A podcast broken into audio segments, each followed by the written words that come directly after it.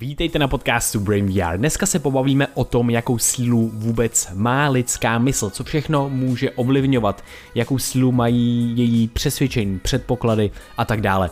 Každý si totiž v hlavě nosíme přesvědčení a rámce vnímání, které ovlivňují, jak budeme přistupovat třeba ke stresu, jídlu nebo společenskému tlaku. Tomhle tomu nastavení se říká mindset a dneska to je velký mindsetový díl a rozebereme několik nejdůležitějších a nejzajímavějších studií, které doposud byly udělané ohledně mindsetu a budeme tak nějak přemýšlet o, o implikacích a o tom, jak se v tom vyznat, jak to vůbec využít, aby to pro náš a náš život bylo užitečný. A sponzorem dnešního dílu je Actin.cz. Sponzory si vybíráme a musí nám dávat smysl to, co dělají. No a Actin přišel se svojí značkou doplňků stravy, oblečení a jídel Vilgain. Dnes se podíváme na jejich oříšková másla, na kterých jsme teda upřímně s Krištofem fakt závislí. Dělají je z kvalitních surovin a nepřidávají tam žádné věci navíc. Naše oblíbené Vilgain Sweet Nuts obsahuje například jen vzduchen pražené arašidy, trochu biokokosového cukru, biokakaového prášku a himalajskou sůl. Je neuvěřitelně lahodné a jemné a hodí se ať už třeba na lžičku nebo ráno do kaše. Nově mají také máslo z lískových Piemonte oříšků, což je vůbec to nejkvalitnější, co trh nabízí.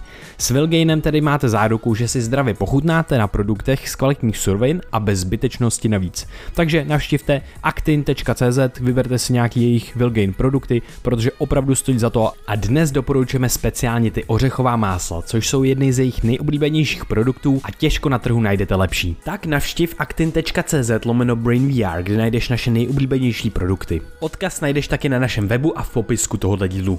Tak a ještě jsou nějaký volné místa na náš smysluplný kemp Brain VR od 1. do 3. 7. tak neváhej nám napsat o víc informací. A v neposlední řadě máme konečně venku náš merch, trička, Is This The Moudrost a fascinuje mě existence. Všechny odkazy najdeš na webu, v popisku, na Instagramu a tak dále. A pokud nás chceš poznat offline někde jinde, tak přijď na naší chili meditace, která je 8.6. od 19 hodin v čámě Šamanka. A teď už si užij poslech.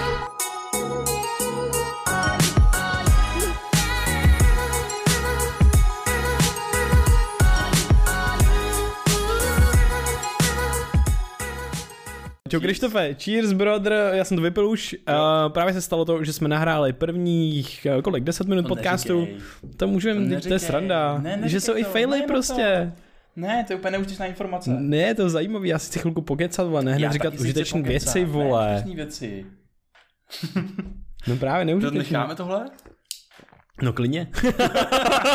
Ty jsi fakt mašťák, kámo. wow. Prostě, okay. když je to malý bizar, tak ne, to dáme pryč, a když je to velký bizar, tak to tam necháme.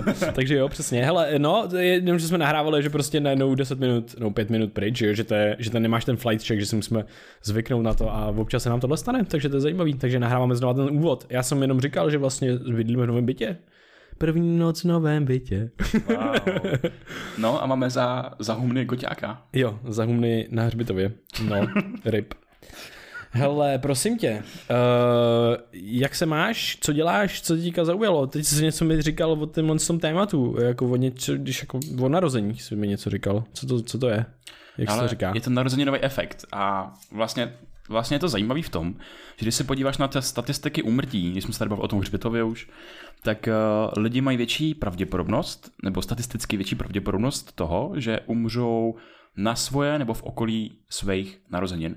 Tak je to asociovaný s různýma velkýma událostma, svátkama, jako jsou třeba Vánoce, Velikonoce a tak dále, ale ten, ta výchylka tam je okolo těch eh, narozenin. Mm-hmm, to je zajímavé. No mě právě nejdřív napadlo, že kdyby to bylo skrz celý ten život vlastně, takže by to bylo, že lidi víc prostě riskujou, slavějí, jezdí se navštěvovat a tak, že jo, že prostě tam by mohla být nějaká výhlka, ale je zajímavý možná vlastně i ten jako psychologický efekt, protože už víme, že vlastně ta, ta, ta psychologie a nějaký, nějaký jako nastavení toho, co si myslíme ohledně našeho zdraví, ohledně nějaký stereotypy stárnutí možná a možná nějakých jako vysokých věků, jakože třeba hitneš stovku, hitneš 90, možná celý život si myslel, že ty to už je jako fakt vzácný a teď najednou už třeba nemáš tolik těch blízkých a třeba tě někdo naštíví. Třeba tam je víc jako nějaký samoty, loneliness, což se ukazuje, že je dost rizikový faktor. Určitě. No a tak když se podíváš na nejrůznější uh, takový ty epidemiologické studie nebo nějaký opravdu dlouhodobý dotazníky lidí, kteří hodnotí tu spokojenost svého života,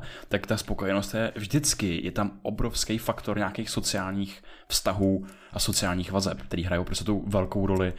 Právě je, je, to, je to vlastně taková jako když to vezmeš z nějakého hlediska, tak je to taková jako investice i do toho budoucna, že jo? Mm-hmm. Že protože teď, teď třeba nemáš tolik času, že prostě pracuješ a tak dále, a tak dále, ale ono se to bude měnit s tím časem, protože ty nejseš stejný člověk za 10 let, jako seš teď a vždycky se budeš měnit. Budou se měnit tvoje preference a s tím věkem si myslím, že tam bude přibývat ta důležitost těch hmm. smysluplných hmm. vztahů. Jo, já si myslím, že to mluví hodně k nějaký jako podstatě toho člověka, že ten, že člověk je hodně, hodně společenská sociální bytost a vlastně, že to jde hodně, hodně do hloubky a že občas, a je to v pořádku, když člověk že má nějaký fáze života, který přebijou občas tu sociální společenskou stránku, ale je dobrý samozřejmě na to tak nějak jako myslet a kultivovat si některé uh, ty vztahy, ale úžasně na tom je, že lidi zažívají takový fenomén uh, obměňování těch sociálních bublin, protože vlastně ty jsi třeba byl na škole, na Gimplu, na střední, na vejšce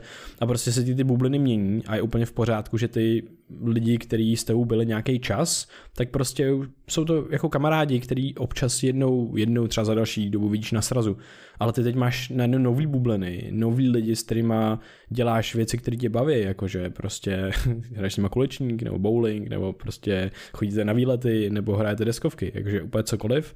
A nebo chodíte do práce a vlastně máš spoustu mhm. těch sociálních kontaktů v rámci práce. Takže to, to je jenom vlastně jaký jako e, zajímavý zamyšlení se nad tím, že prostě nemusíme občas se cítit blbě, jako že je, prostě my už se tak jako nevidíme. Já mám takovou tendenci, víš, jakože sám mám tendenci, já, já už se nevidím s těma svýma kamarádama tolik a tohle, tohle, tohle, no ale já mám třeba jiný kamarád, no moc ne, ale...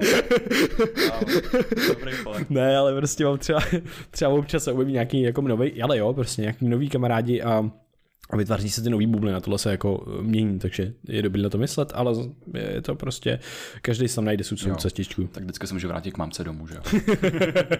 yes. ne, ale jako to, to ještě, ještě bych to jako rozvedl, protože poslední dobou se tak jakoby občas mi tam skočí dole ta myšlenka, že přesně, my tady máme nějakou tribal kmenovou povahu naší společnosti, která je v nás zakořeněná, že vlastně ten kmen, tak nejenom, že ovlivňuje naše zdraví, ovlivňuje naše fungování, ale i ten náš smysl a vždycky tomu tak v evoluci co bylo.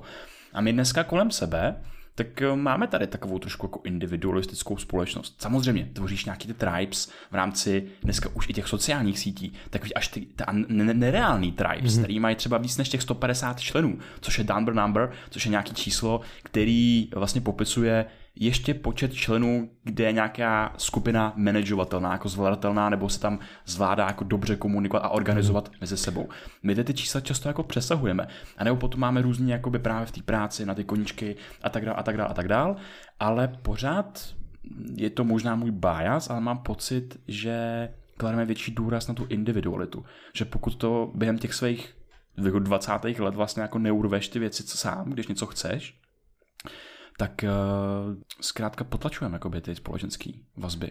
Jo, jo, jo. Myslím, že v nějakém aspektu v životě jo, protože prostě pokud máš eh, podat nebo je na tebe ten tlak, nebo ty si ho vytváříš jednou, odkud ten tlak je, je ten zdroj jeho a chceš podat ty výsledky nějaký, tak eh, část nějakých těch aspektů toho vybalancovaného života bude třeba trošičku potlačená. A je zajímavý, že se že každý z nás pohybuje v nějakých cyklech, ty o tom můžeš přemýšlet jako v cyklech. Prostě týdnů, měsíců, ale můžeš přemýšlet i v cyklu, v cyklech jako let. Jenom je dobrý, uh, jo, že si řekneš, jo, tak ve 30 začnu pracovat na tomhle, je dobrý jako tam dělat nějaký uh, zázemí už předtím, víš co, nebo, no, nebo 40, nebo 50, jedno, jakýkoliv číslo, ale prostě není tak je jednoduchý začít něco změnit ten svůj život tak, tak rychle, si uvědomuji teďka hodně to, že, že se můžu já osobně učit uh, fungovat určitým způsobem a ono to bude pak víc a víc zajetý a bude mi z toho jako hůř se vycházet, Aha. víš, jo, že si říkám, že ten sociální život třeba trochu obživím ve 30 nebo tak něco, ale jako by to je třeba bullshit úplně. Ne, je to, je to bullshit. Takže jako musíš na tom prostě pracovat si. Jako, ale za, zároveň, a no. zároveň nemusí být, zároveň vlastně. někdo to třeba zvládne, ale je to prostě třeba těžší, jako, a než si, než si říkáš. je řešit nějaký problém až vlastně jako nějaký ten, ten akutní Jo, problém, jo. až, ten, až tehdy, kdy ti to začíná jako pohlcovat. Že třeba Mhm. najednou tě vyhoří ti sociální vztahy, najednou wow, teď je přesně potřebu, ale ne, ty bys na to měl myslet ještě dřív a připravovat se na to, že ta, tam ten moment Jo. přijde. A to tak já vnímám, že v těch cyklech, že třeba OK, je ti 25, 26 a mega tě fascinuje ně, něco ve vědě nebo nějaká, nějaká inovace nebo chceš budovat vlastní firmu. Něco tě z toho světa táhne k tomu předmětu zájmu. A kdy jindy do toho vložit ty svoje úspory energie a všeho dalšího času, než právě teď. Kdy jindy si dovolit jako zariskovat, zaexperimentovat, než právě teď. Taky je fajn vlastně myslet na nějaký ty cykly vyhoření a prevent, jako předcházet jim právě tím, že se nebudeš snažit jet ten jako agresivní fokus, mm-hmm. ale trošku jako rozložit ty síly do těch dalších smysluplných věcí. Že to je jak nějaká falase, nevím, jak se, jmenuje, jak se jmenuje, ale bylo to, že se, to, že se srovnal jako Edison uh, s Teslou mm. a vlastně jeden z těch diametrálních rozdílů, mm. který ty dva od sebe odlišil, jak to, že jeden je prostě mega úspěšný a o druhém se prostě tolik třeba na těch školách jako nevzdělává, tak je ten, že Edison byl velmi dobrý jako v těch sociálních vztazích. On budoval sítě sociální a kontakty a díky tomu prostě dokázal schánět peníze pro svoje myšlenky, pro svoje vynálezy a díky tomu se proslavil. Tesla byl uh, extrémní introvert, a izoloval se vnějších vztahů, mm-hmm. ale vlastně jako tohle to byl velký aspekt toho, který ho potom přiměl uh, k tomu, že třeba nedával, neko, nedokázal ty nápady tak dobře vlastně mm-hmm. prodávat do Jo, toho jo, světa, jo. i když byly úplně geniální. Jo. Já si myslím, že jako každý zná obě, obě ty jména a budou jako podobně reprezentovaný, ale takhle repr- retrospektivně, ale když se koukneš reálně potom na ten úspěch třeba těch, ať už těch biznesů nebo těch no. osobních životů, tak ve finále ti právě vyjde ten Edison, že vlastně jako na tom byl v tomhle smyslu, tomhle ohledu líp a nebavíme se vůbec o jejich já nevím, kognitivní kapacitě nebo inteligenci, ale třeba o jenom počtu patentů, o tom, kolik to vydělalo peněz a o tom jakoby úspěchu v úvozovkách, jo, protože prostě uh, nakonec to vedlo i k tomu, že Tesla musel prostě přestat dělat některé ty věci, protože na to prostě neměl peníze. A teda a teda a teda, takže uh, to jsou zajímavé věci tohle. A to mě vede vlastně k, k takovým jako otázce tohoto mentálního modelu.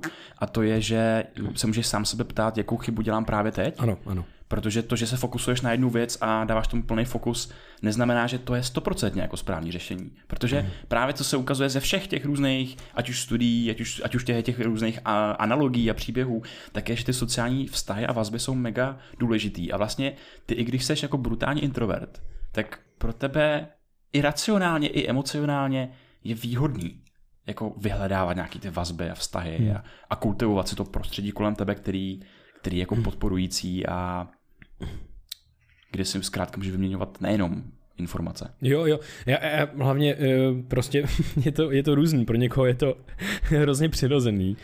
A vlastně je to jako každodenní prostě zvyk a tak, ale jako spousty lidí, včetně asi nás, tak je nám jako občas hodně dobře zavřený někde a dělání jako věcí a občas ty třeba kontakty jako chybí a teďka člověk se jako vytváří takovej vlastně, ještě, ještě teďka je to pro mě znásobený tím, co se dělo jako v karanténě a tak dále, tak jako fakt ty social skills se vlastně snížily a ty třeba ze sebe nemáš tak dobrý pocit v té společnosti a tedy, a tedy, a tedy, že někam jako jdeš a teď máš pocit, že ti jako nejde a teď small talk a další věci, takže jako tohle co si myslím, že je strašně zajímavý a myslím si, že je to o tom tvým pocitu, že se cítit dobře mezi lidma, s kterými tě je dobře, dávat jim ty, jakoby, eh, prostě dávat jim kus sebe, oni dávají kus jich zase tobě a mít fakt jako ten, ten hezký vztah. A je to ve finále jenom prostě cítit se dobře s těma lidma. A, a, a když se člověk necítí dobře s nějakýma lidma, což se prostě může dít,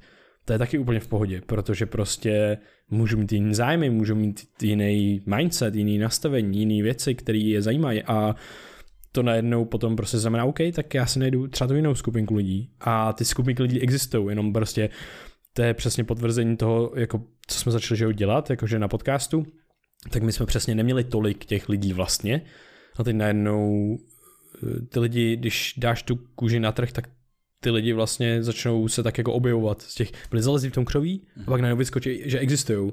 To je hustý. A, Teď prosím jenom posluchače, neřezejte si kusy kůže a neposílejte někam na eBay. jo, jo, jo. na, na aukční trh kus kůže. Horky. Nice. Such a joke, man. Ale, wow. ale jaký si myslíš, že má, že má vliv naše mysl na naše zdraví, na to, jak se cítíme dobře? No, uf, uf, jakože vlastně mám dvě odpovědi. Uh, jedna je stoprocentní v tom smyslu, že jenom tvoje mysl dokáže něco vnímat, že jo? Takže prostě ty, jak budeš subjektivně vnímat tvoje zdraví, tak... Jenom, jenom tvoje, tvoje mysl dokáže něco vnímat, jakože to může být i za mozek, ne? No, jako jo, ale já, já si myslím... Já... Já... tady nějakou subjektivní, jako nějaký subjektivní Přesně tak, prožitek, teda. že, že to obsahuje ten prožitek. Že můžeš vnímat jenom ten subjektivní prožitek. Přesně tak. Respektive. Takže to je jedna, jako jedna odpověď a pak druhá odpověď, to na co se ptáš, asi si myslím spíše ten, ten objektivní stav toho organismu. Uh, trošičku částečně, že vlastně jak se ten, jak ten organismus skutečně na tom je biologicky, fyziologicky, kolik je tam stresových hormonů a prostě jiných hormonů a další věci.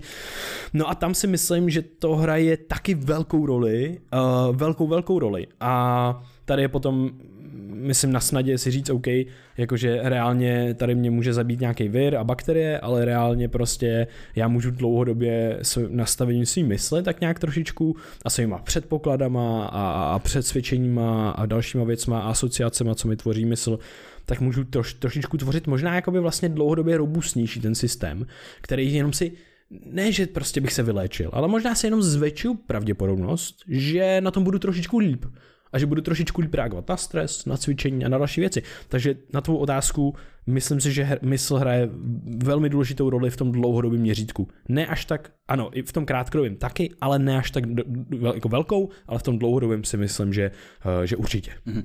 Jo, ptám se proto, protože bychom tady rádi rozebrali roli mindsetů, mindsetu mm. a mindsetů mm. v mhm. našem životě. Zkrátka, rádi jsme proponenty toho, že mysl a tělo jsou propojené entity. Není, není třeba je z, nějak, z jakýkoliv důvodu oddělovat, protože tam nikdy tu mezeru nenajdeme.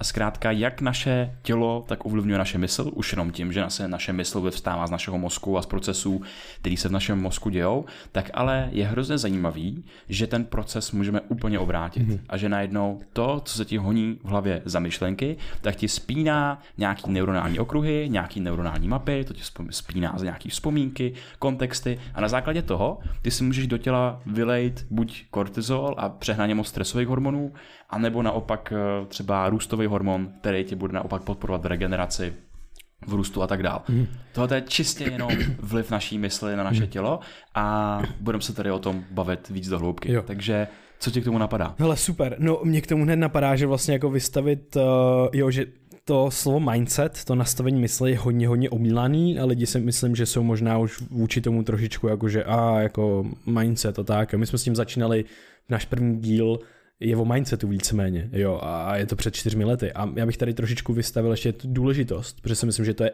jako extrémně, pořád ještě extrémně zanedbávaný téma vlastně. Mm-hmm. Že se pořád nejde dostatečně dlouho do hloubky a že spoustu lidí říká uh, hodně věcí, které třeba nemusí být až tak založený na realitě, eh, na tom, co se ukazuje z těch studií. A ukážeme se tady některé antiintuitivní věci dneska, který právě, jak s tím můžeme vlastně ve skutečnosti pracovat.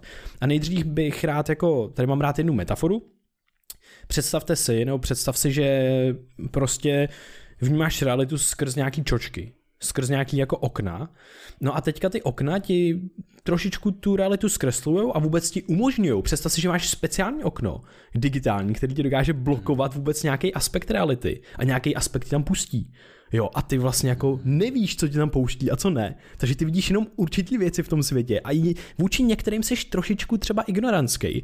Jo, takže to okno ti dává jakousi tendenci něco vnímat, někam orientovat ten, tu tvou mysl a tohle je prostě strašně zajímavý, protože najednou už to není tak, jako že seš ty a vnímáš realitu, prostě jaká je, ale teď jsou tady tři entity. Seš ty, svět a mezi tím je to fucking okno, ta čočka. A ty se můžeš zaměřit na tu čočku a začít ji zkoumat. A to je ten tvůj mindset. To, jak se budeš orientovat a jaký, jakou tendenci budeš mít vytvářet asociace ve světě k událostem, které se dějou, který vnímáš, anebo vůbec něco vnímat víc, něco vnímat míň a tendenci, jestli to, vnímat, jestli to vnímat negativně nebo pozitivně. No a přece to je strašně důležitý.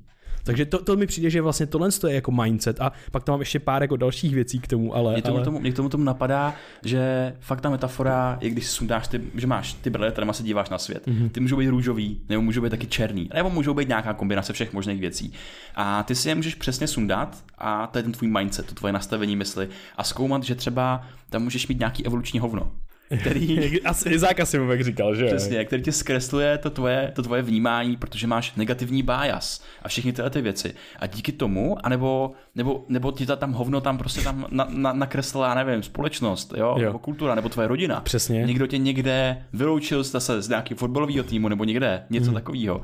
Nebo tě nepřijali na výtvarný kroužek, co já vím. A, a prostě tam zůstane to hovno a ty skrze něj vidíš ten svět, ale i třeba svoji hodnotu v tom světě. Ano. A tohle je hrozně zajímavý, protože my si můžeme představit ty brýle nejenom jako nějaký vnější, nějakou, nějakou vnější věc, ale opravdu to, co je obtisklý v tom našem mozku. Mm-hmm. A ten náš mozek je to, skrz co my vnímáme ten svět. Jo. Hele, zásadní, zásadní věc, jo, protože se spoustu, často uh, mám rád uh, citát Alais, Alais Ninový, která říká, že to, co vnímáme, není jenom ten svět, ale vnímáme sami sebe. A tohle to se bere, ona to myslím vnímala na té mm, psychologické úrovni, jo? že si vlastně všímáš toho, co už je v tobě obtisklý, jenomže tohle to je přímo na té fyzický, fyziologický a vůbec jako fungování naší mysli a mozku. Já mám tady další jako definici mindsetu, kterou jsem si vymyslel, nebo definici, taky jako zase připodobnění, co všechno v tom mindsetu hraje roli a právě mindset je jako všechno ostatní o nějaký jako modelotvorbě. Jo, jenom ty ty modely, jak právě, jak ty řekl hrozně důležitou věc, že to tvoří tu tvou hodnotu, jak ji vnímáš. To, jaký tvoříš modely světa a sebe v tom světě, protože to tak v tvůj mozek funguje neustále, je, aktivně tvoří modely každou sekundu, každou, každou vteřin, uh, každým momentem, tak ono to vychází na základě dat, které procházejí zase tou čočkou, zase tím oknem, zase těma brýlema. A přesně jak jsi říkal, může tam být nějaká sračka na nich. Wow. A pak je to prostě na hovno, jako doslova, že jo. A, a, to, a my s tím ale můžeme pracovat. Je hustý, že s tím se dá pracovat. A dneska se o tom pomluvíme, jaký jsou různé způsoby, jak s těma věcma, věcma, občas, věc věcma, občas pracovat. Takže uh, jak ti to přijde tohle to vlastně, ten mindfuck, že fakt jako OK, já jsem, já teďka sám sebe nějak vnímám a je to nějaký model mě. Já nějak vnímám svět, nějaký model světa a teďka si uvědomit, wow, já ty modely tvořím na základě těch zkreslených čoček, na základě těch zkreslených brýlí. A to je pro mě velký, velký mindfuck. Je to obrovský mindfuck, protože ty najednou ty brýle můžeš sunat a říct si a ptát se zase na ty otázky. OK, jak já reaguju na ten stres? A proč na něj reaguju takhle? Jak já přistupuju k tomu jídlu? Nebo když máš nějaký cíl a třeba ten cíl může být schodit váhu, jakože uh, jaký já mám přístup k tomu, jestli to jídlo vnímám jako odměňující, anebo třeba, že se, že se, že se potom budu nesnášet, když ho s ním.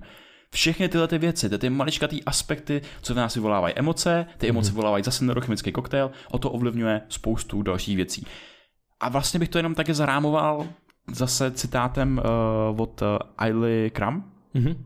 která vlastně studuje nejrůznější vlivy mysli na naše prožívání a to je, že vlastně mindset jsou takový jako rámce myšlení, který orientují jeho vlastníka k určitému vnímání situace. Takže my opravdu frameujeme, rámcujeme ty situace podle toho modelu, který si v té hlavě nosíme. Jo, jo.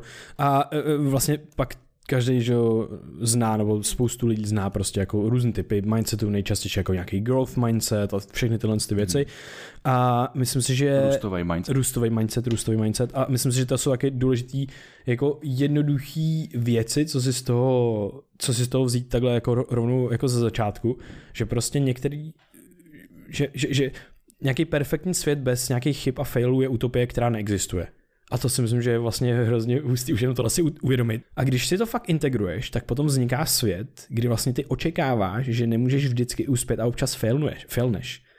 A co je krásné na tom je to, že tohle je součást té potom finální vítězní strategie, protože žádná vítězná strategie nemůže být bez failu, protože by prostě nebyla vítězná potom, protože by nepřišla na to, jak nefailovat. Takže tohle je jako jenom takový na začátku mindfuck a, a vlastně taková užitečná jako mm, one-liner, užitečný one-liner, který, který se mi tam jako hodí. Jo, určitě.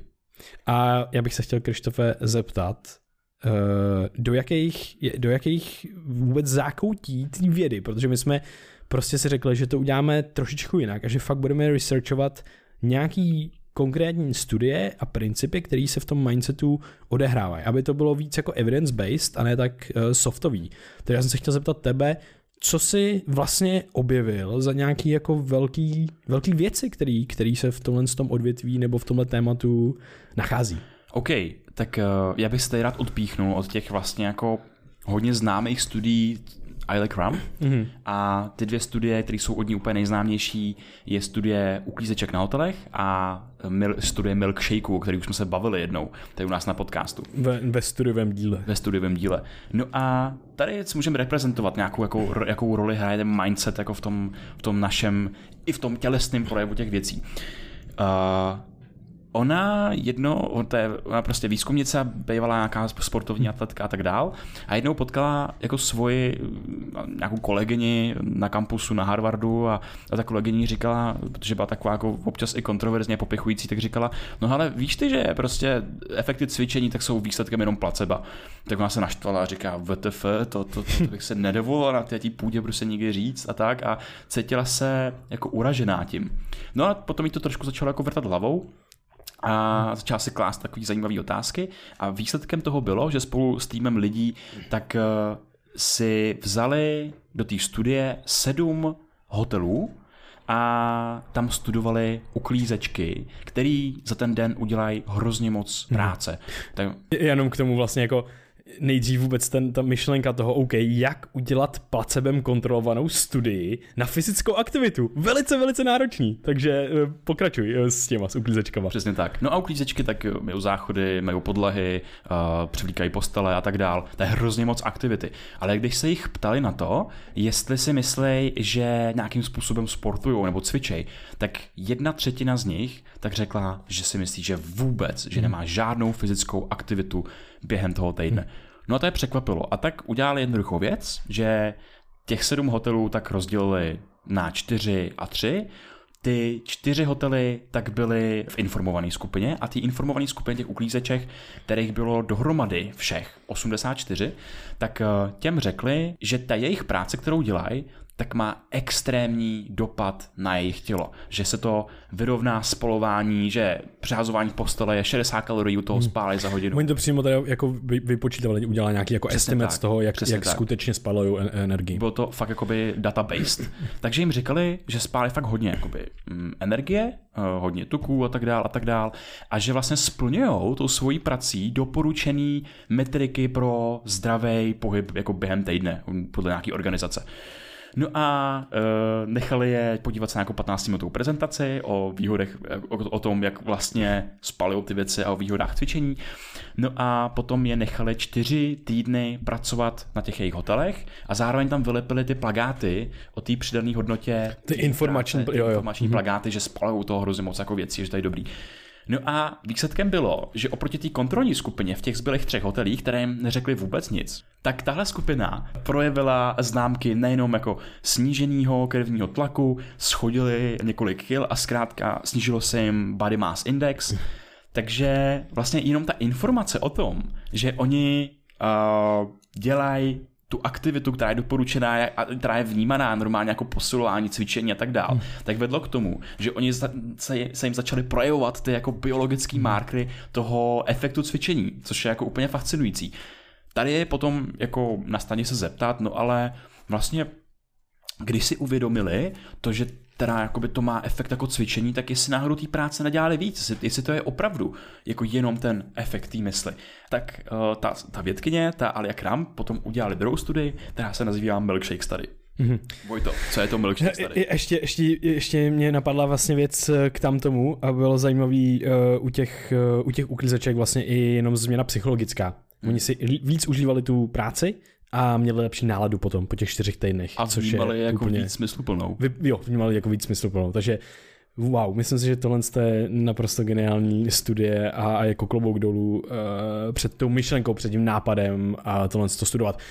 Milkshake Study, velká, velká věc a to právě chtěli rozlousknout to, jestli tam hraje roli teda jenom ta mysl, uh, nebo jako nějaký další věci, aby měli trošku, trošičku víc dat a vlastně replikovali nějaký tyhle ty věci. Milkshake Study je fascinující, protože oni, myslím, že dali těm uh, dobrovolníkům nějakých 75 dolarů, uh, seděli potom s nima dvě, dvě hodiny a rozdělili na dvě skupiny. Každý té skupině těch účastníků dali uh, jeden z shakeů.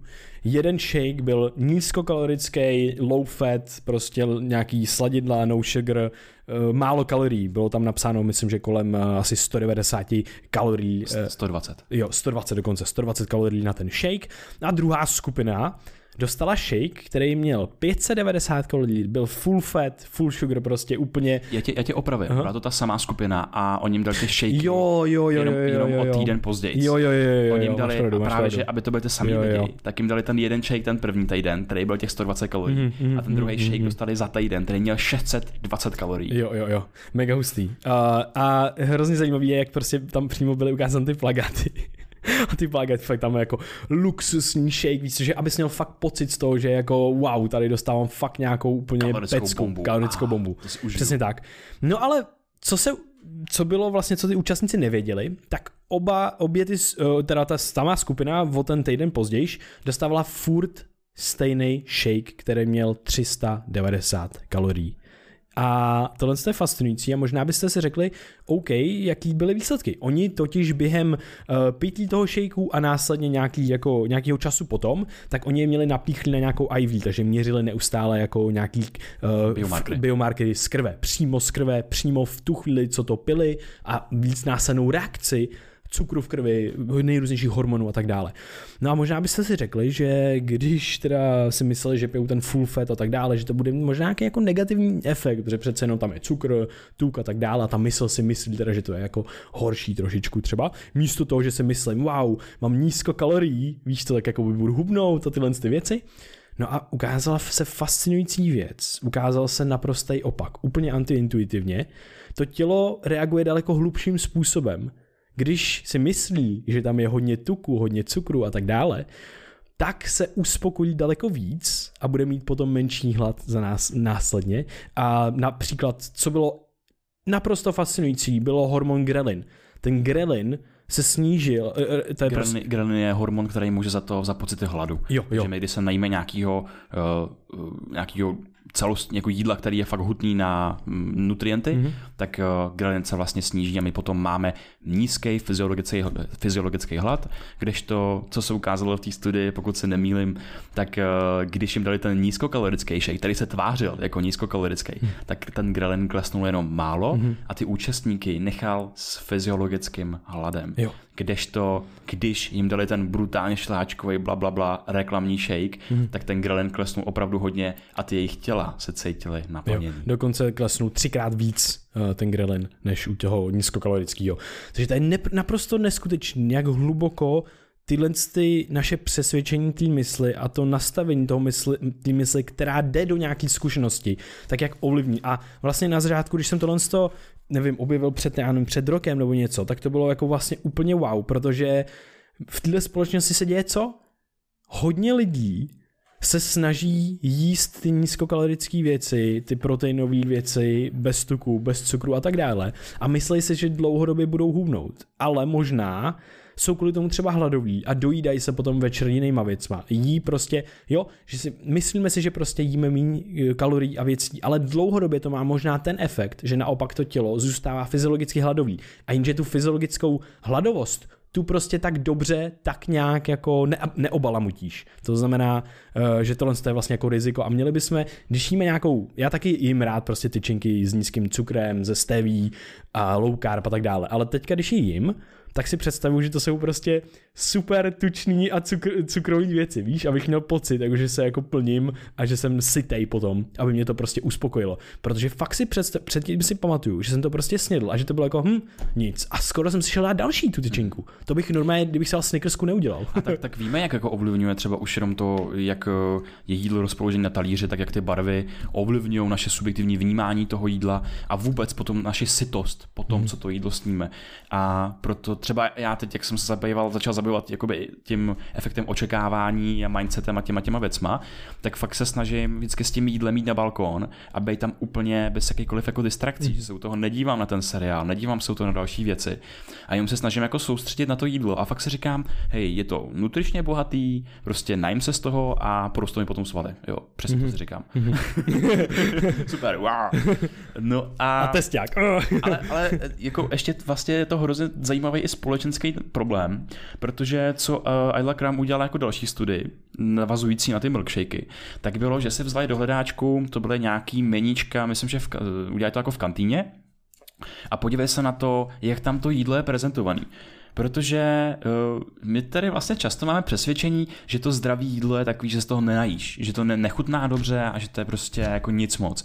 No ale je fakt zajímavý, co se ukázalo v těch meničkách, protože tam máš většinou třeba nějaký jako nezdravý foods, který mají hodně cukru, hodně tuku, je to takový to kombo, tak jsou pojmenovaný jako úplně luxusně, je to luxusní, požitkový, prostě bomba pro tvoje chuťové buňky. Často takhle reklama, takhle reklama jako na nás také působí a bombarduje nás ze všech stran. Zároveň ty samé společnosti, co dělají, řekněme, jakoby ten třeba fast food, tak eh, mají daleko větší rozpočty, které můžou dát do těch reklam a zase vlastně eh, to spátí naší pozornosti.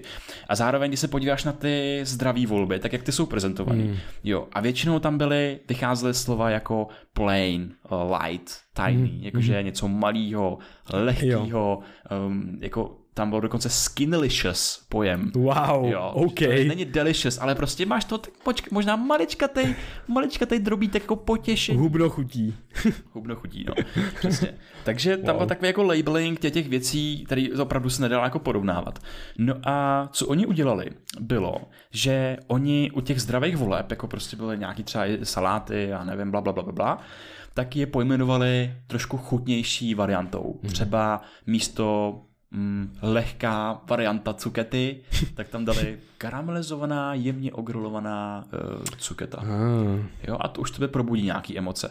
Uh, to samý tam bylo třeba uh, u vrepů, tak byl grilovaný zeleninový vrep. Už jenom toto slovo. A ukázalo se v té studii jako zajímavá věc, že nejenom, že tahle ta droboučká změna v názvech těch meníček v té kantýně, tak ovlivnila volbu těch lidí, protože najednou to zvýšilo výběr o 38% těch zdravějších variant, ale lidi dokonce se cítili víc naplněný a taky to snížilo počet svačinek nebo snakování mm. potom. Výsledek těch, těch těch fascinujících studií je to, že opravdu to, jak vnímáme nějaký label, jak je něco pojmenovaný, jak je nám prezentovaný, tak to potom ovlivňuje přímo fyziologicky, jak my na to potom budeme reagovat, co se vybere ta naše mysl, protože máme nejrůznější biasy, snažíme se neustále vlastně maximalizovat uh, já nevím, energetický příjem a tak dále, protože náš mozek je přece jenom mašina, která funguje zase krát 150 tisíc v minulosti a neustále se snaží vlastně maximalizovat tu svoji energii v tom přítomném momentu. A na to je fajn myslet právě, když třeba přistupujeme k tomu jídlu, nebo přistupujeme k nějaký náročné aktivitě, kterou děláme. A právě třeba i k tomu se dostaneme dál, jak přistupujeme ke stresu. Jo, ale tohle je hrozně hustý, že vlastně fakt jako se začínáme nacházet trošičku v té třeba epidemii jako obezity a tak dále a tohle to všechno k tomu jako výrazným způsobem přispívá, takže si myslím, že tyhle informace jsou zcela zásadní a každý z nás s tím může pracovat, že jo? Každý z nás si může nějakým způsobem přerámovat ty jídla, který jíme. A fakt se snažit soustředit na to, jak vnímám to, co jim. A možná, když si kupuju, jako eh, není, naš, není vůbec špatně si koupit právě nějakou jako low carb věc, něco, něco, něco, ale když už si ji koupím, tak fakt si ji možná rozdělat z toho obalu, kouknout se na to, jak to skutečně vypadá, jak to vypadá fakt jako, že nějaká low carb věc vypadá jako prostě úplně super, nevím, snickerska, něco, fakt něco, co je hodně sladký, hodně tučný. A můžu si fakt říct, OK, tohle je prostě něco, co mě zasytí, něco, kde jsou, já nevím, přiden, třeba tam jsou vitamíny, já nevím, něco tam je, když to je to zdravá, zdravý uh, typ té ty, tyčinky nebo něč, něčeho.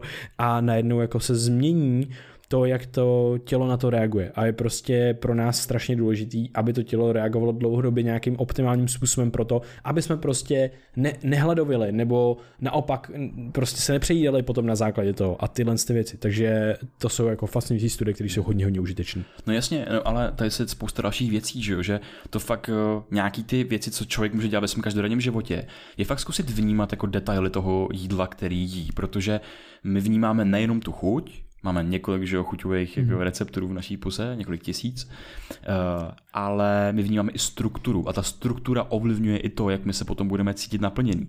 Ale musíme to vnímat. Ty jsi řekl na začátku, jak je naše pozornost jako selektivní, jak něco skrz ty brle projde a něco vyignorujeme. Mm. No a to se mění. Takže já když se budu dívat na seriál u toho, co jsem dřív taky dělal, u toho, když prostě jím, a nevím, kdyby to, to měla být jenom rejže s hráškem, což taky občas dělám, tak eh, to ovlivní to, jak já potom se potom budu cítit třeba naplněný. A je jo. fakt opravdu výhodný vnímat tu strukturu těch věcí, ty detaily a díky tomu my se potom budeme cítit fyziologicky přímo víc jo. naplněný. A ty ještě k tomu, tomu využívat fakt ten čich, který, který jako ta chuť se tvoří ze všech smyslů. To je ten mýtus, že se tvoří jenom z těch chuťových pohárků. Tvoří se z vizuálního smyslu, z...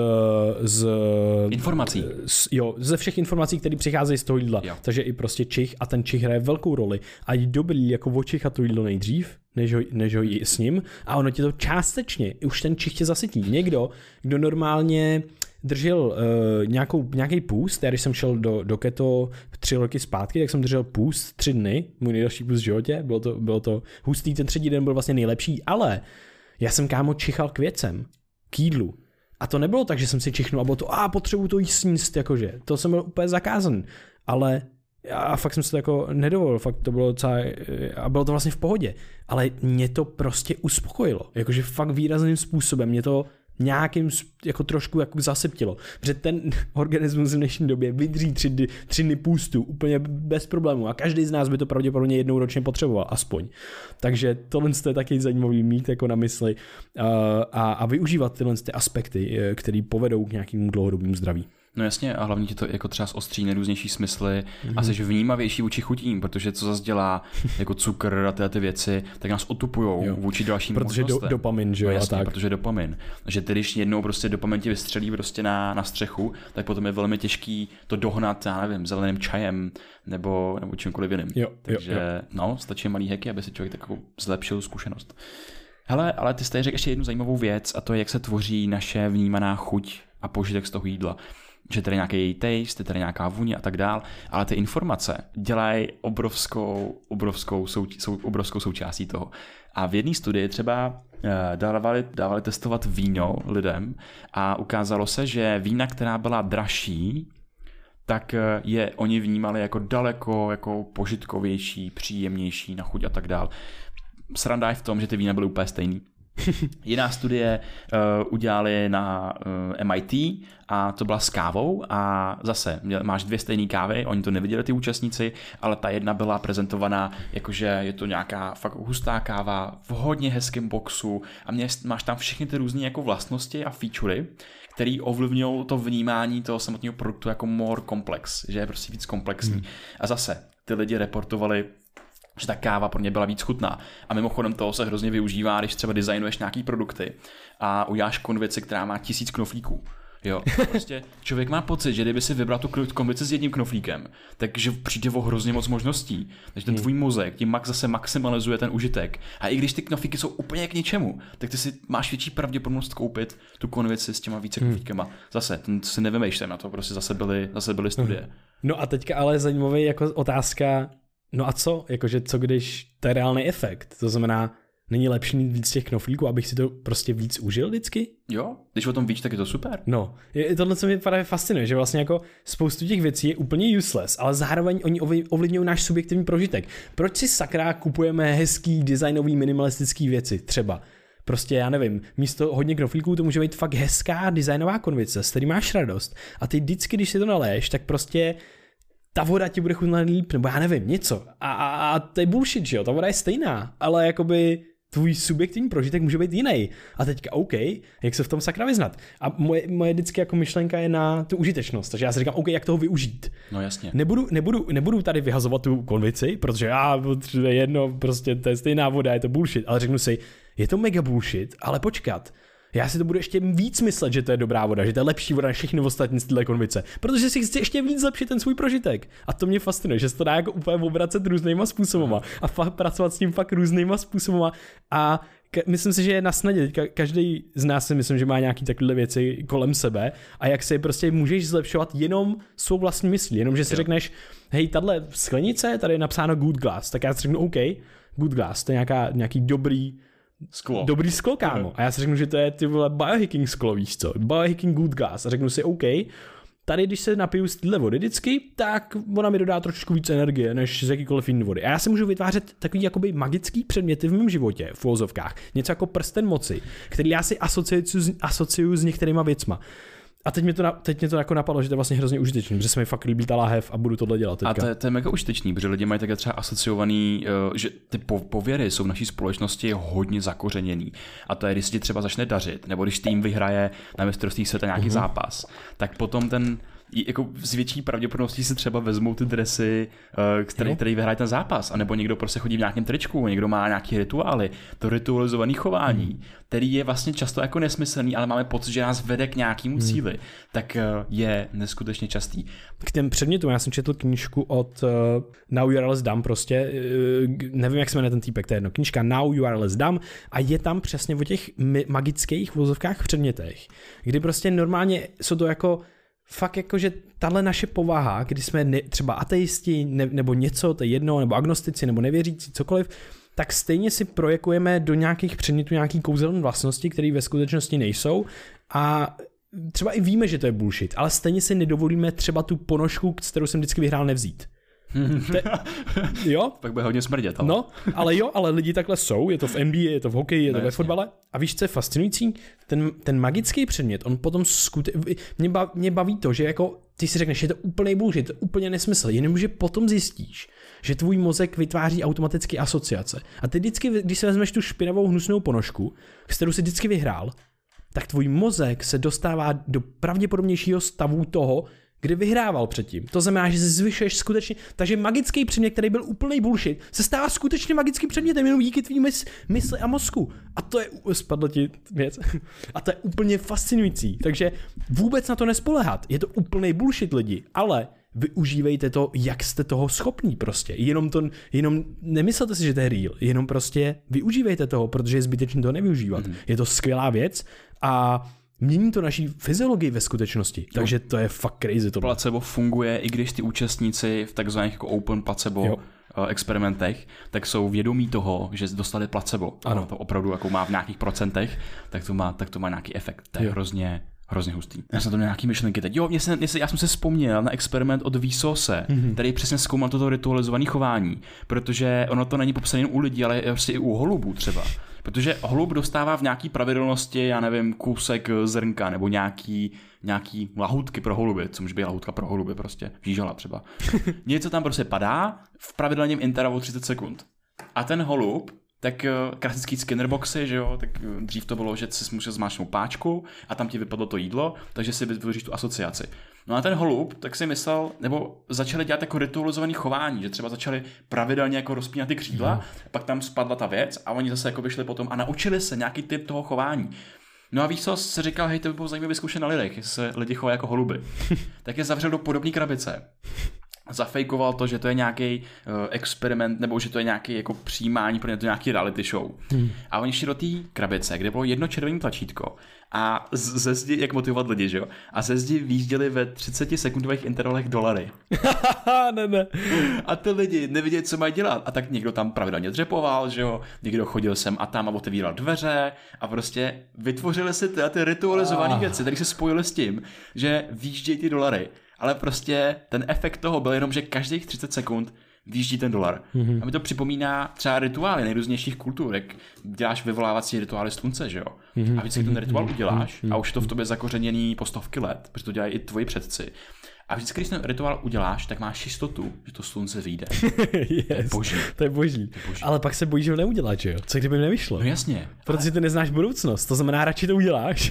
No to je crazy potom prostě. mít nocebo efekt, že když to No neuděláš, jasně. tak máš fakt stres a že se jako něco Ano. může stát. Ano, je zajímavý, zajímavý věci. Já mám tady ještě jedno skupinové f- sk- chování, který asi sem nehodí, ale takže ho asi vynechám, ale kdyby náhodou tě zajímaly opice, jak se mlátí potom, to je to jedno, tak já už to řeknu, ono, vůbec vůbec to s tím nedělá nic společného. Ale prostě byla nějaká studie, kde měli prostě skupinu opic a nějaký ty opice naučili, byl prostě žebřík a tam měli banány, oni vylezli na ten žebřík, vzali si banány, že vždycky, když vylezli a vzali si ten banán, tak tam prostě na ně, nějak, na ně vylili vodu nebo něco. A bylo to prostě mega nepříjemné a nebylo to worth it. Oni se potom naučili tam nelézt pro ty banány. A potom začali postupně tu opi, ty opice, co to, tu jednu, co to uměli, tak prostě dali pryč, byly tam třeba čtyři. Jednu vzali, dali tam pryč a dali tam novou. Ta nová chtěla, chtěla banán, vylezla tam, ale už tam nemohla lézt, protože prostě jí zmlátili. Dřív, jo, už byli zvyklí, že hej, my nechceme být prostě pokropen studenou vodou, tak ji radši zmlátili dřív, než tam vůbec tam nedostala. Potom vyměnili další. Ta opice se nová naučila mezi to chování a tu novou zase nenechali vylézt ven. A potom to došlo do stavu, kdy ani jedna opice nezakusila tu studenou vodu ale mlátili se, když přišla nová a když chtěli jít pro ten banán. To je prostě totálně fascinující. No, takže taková, jenom takový jako zase skupinou chování, který nedává smysl vlastně, ale dává, protože se, za, okay. se zachovává ta věc vlastně, víš, jakože je tam nějaká inteligence skupiny a ona se ale zachovává skrz přes ty jedince a klidně pojď do dalších věcí. Okay, to, to, to je fascinující a my jsme tady rozebírali mindset, ale ono to s tím souvisí, protože to je přesně jako nějaký i efekt uh, očekávání, hmm. že OK, OK, mě hodně fascinují fenomény týkající se psychogenních nemocí. Mm-hmm. S tím jsem se setkal díky právě efektu očekávání a díky, Knižka, díky že jo? efektu placebo a tak dál. A to zkrátka jsou některé události, které se ve světě občas stanou, který má nějaký jako nevysvětlitelný podklad. Že třeba, a většinou to souvisí s nějakým jako nevolností nebo s nějakýma takovýma věcma.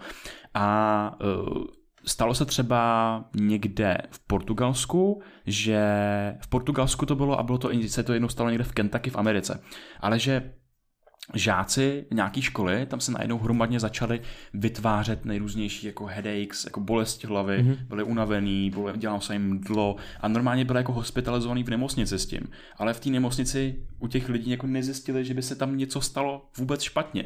No a oni nepřišli k žádnému jako závěru.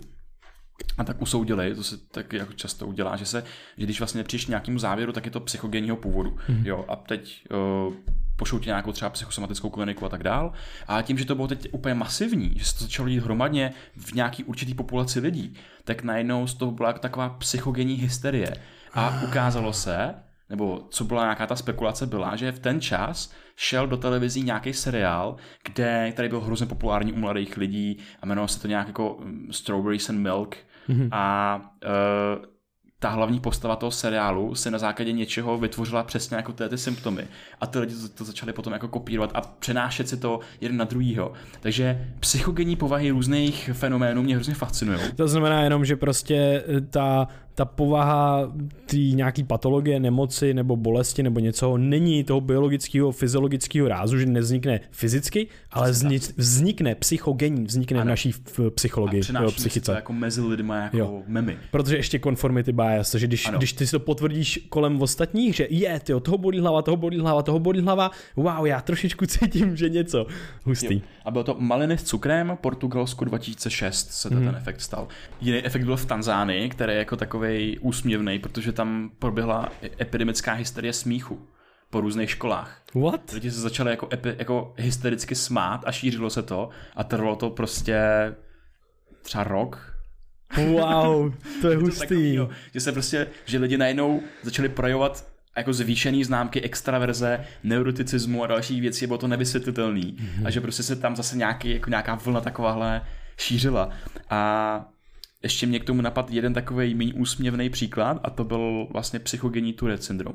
Ano, to mě taky napadlo. Jo. Tak Hele, to je, to je hustý. Za, začíná se objevovat eh, fenomén, který vzniká hlavně díky právě zase nějakému prestige biasu. Máme prostě bias vůči nějakému vysokému sociálnímu statutu, nějakým celebritám a tak dále.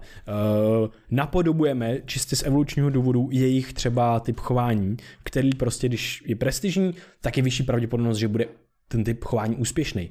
Jenomže tohle je velice hluboko v nás. A v dnešní době třeba TikToku a tak dále, tak se stane, že je taková jedna hodně, hodně, hodně, hodně světově populární TikTokerka, která má Turet a má ho takový fakt ten jako extrémní, kdy fakt jako začne nadávat věci, říkat prostě, má tiky a tak. Turetův syndrom. Turetův syndrom, přesně tak.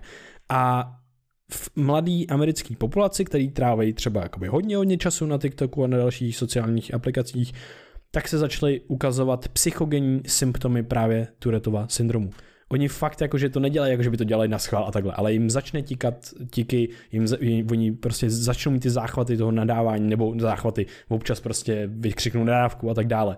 To je naprosto vlastně děsivý a i z jednoho zvláštního důvodu.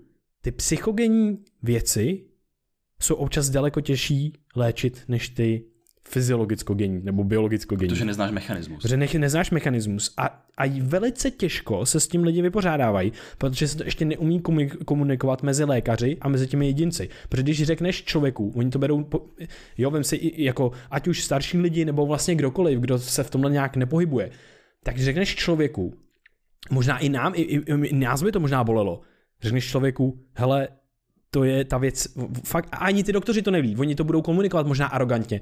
To není reálné, to si vymyslel, to se děje psychogeně. To je bullshit, jakože to je hrozně nepříjemný a ten člověk to odmítá a pak ještě se to třeba prohlubuje. To je hrozně nebezpečné, takže to musí komunikovat velice dobrým způsobem, musí se dělat osvěta ohledně těch témat, protože je to mega nebezpečný, protože toho je víc a víc, jak jsme propojenější a propojenější. Takže se musíme komunikovat, hej, ta věc, co máš, je mega moc reálná, jenom vznikla na základě prostě jiných věcí, než si třeba myslíš a tady jsou věci, jak s tím pracovat prostě. A je to dlouhodobá práce a je to náročný protože lidi to odmítají, blokujou a doktoři to neumí komunikovat. Mm-hmm. Takže wow, velký začíná být tady tenhle ten ty psychogenní uh, nemoci začíná být velký, velký problém. A... Jako v době influencerů a dalších věcí. Ano, ano. A děje se taky další věc. Spoustu psychogenních věcí mají třeba právě, na začátku jsme li, mluvili o samotě. Lidi, co jsou sami, tak si vytvářejí symptomy pro to, aby šli do jejich sociální bubliny a k sociálním kontaktu. Co to znamená? Jdou si pokecat k doktorovi, víceméně. Čekají v čekárně, jsou mezi lidma a tak dále to je třeba jejich některá aktivita a, a tohle to jako skutečně ty praktičtí lékaři potvrzují, že tohle to je občas to, proč tam chodí. A je to známé jako fenomén, takže to jsou jako, to jsou hodně, hodně zajímavé věci. Ještě úplně nemáme vlastně systém nastavený na to, aby jsme tohle ty problémy mohli dobře zpracovat. Určitě. No ale ono to má další jako přesahy, že když se vezmeš vlastně ta psychogenní kolektivní povaha některých uh, fenoménů, jak to tělo si dokáže uh, jako převlastnit některé jako externí vlastnosti, které se ti nedějou, ale dokážou se v tobě zrcadlit. Z jakého důvodu, že jo? Zase jsme to tady zmínili na tom začátku, vlastně se to krásně jako propojuje, protože jsme sociální tvorové. Mm-hmm. A díky tomu, že jsme sociální tvorové, tak jsme se vytvořili nějaký sociální mozek. A v našem mozku je to tak jako velmi silná hypotéza, že tam máme ty zrcadlové neurony, díky kterým my kopírujeme chování ostatních. A nejenom to, co, že dáme někdo klackem mlátí prostě někoho jiného a díky tomu my začneme klackem mlátit někoho jiného, nebo že ho použijeme k vrejpnutí červa, díky tomu se najímá, máme víc kalorií, takže to přenese do další generace. Myslím, že si chtěl říct, že to jsou i ty, i ty psychologické aspekty těch typů Přesně chování, které se ano. přenášejí memama skrz prostě, hej, Přesně já mám tady tak. problém se svým mentálním zdravím a najednou wow, prostě já mám taky najednou, že prostě všechny moje kamarádky mají prostě úzkost nebo něco takového. Jo, ano. A nebo, a nebo a jako přímo to jako reprezentujeme i fyziologicky, že to zrcadlíme, protože ano. díváš se někomu do očí a ten člověk je třeba vzrušený nebo prostě uh, máš, jako fyzi- máš široký, fyziologicky vzrušený. Fyziologicky, ano. OK. Má široký zorničky, tak eh, ty máš taky se vlastně tendenci naladit na ten jeho vnitřní stav a třeba rozšířit ty své zorničky nebo stáneš sebou. Mm-hmm. To samý tolko tvýho srdce a to samý se ukazuje, že třeba jako mm, mozkový vlny se nějakým způsobem synchronizují svoji mm. aktivitu podle toho, jestli je ta konverzace třeba víc dopaminová, jako víc uh, aktivní a engaging. Jo, a nebo na základě sdílení intenzity toho zážitku, když to bude adrenalinový sport a ty sdílíš tu stejnou zkušenost, tak máš větší pravděpodobnost synchronizace jak těch mozků, tak té fyziologie. Přesně tak. Takže ta kolektivní povaha je v nás jako zakořeněná a my máme tendenci pro naše přežití jako napodobovat ostatní lidi, hmm. protože třeba to jejich rituální chování, který nemá vůbec žádný smysl, tak jí, o, oni třeba na něco přišli a my o tom ještě nevíme a může to být důležitý pro naše přežití, cože? A, a nejhorší, ten prestiž bias, jako, že oni díky tomu získá ten status, cože? A nejhorší je, že o tom nevíme, že, že tohle, to, je to podvědomí. tohle je podvědomý proces a, a to, je, to je crazy, to je crazy. Ale co je na tom fascinující, je potom nejrůznější memy, které se šířejí uh, v té společnosti a třeba to mě jako fascinuje, to je třeba uh,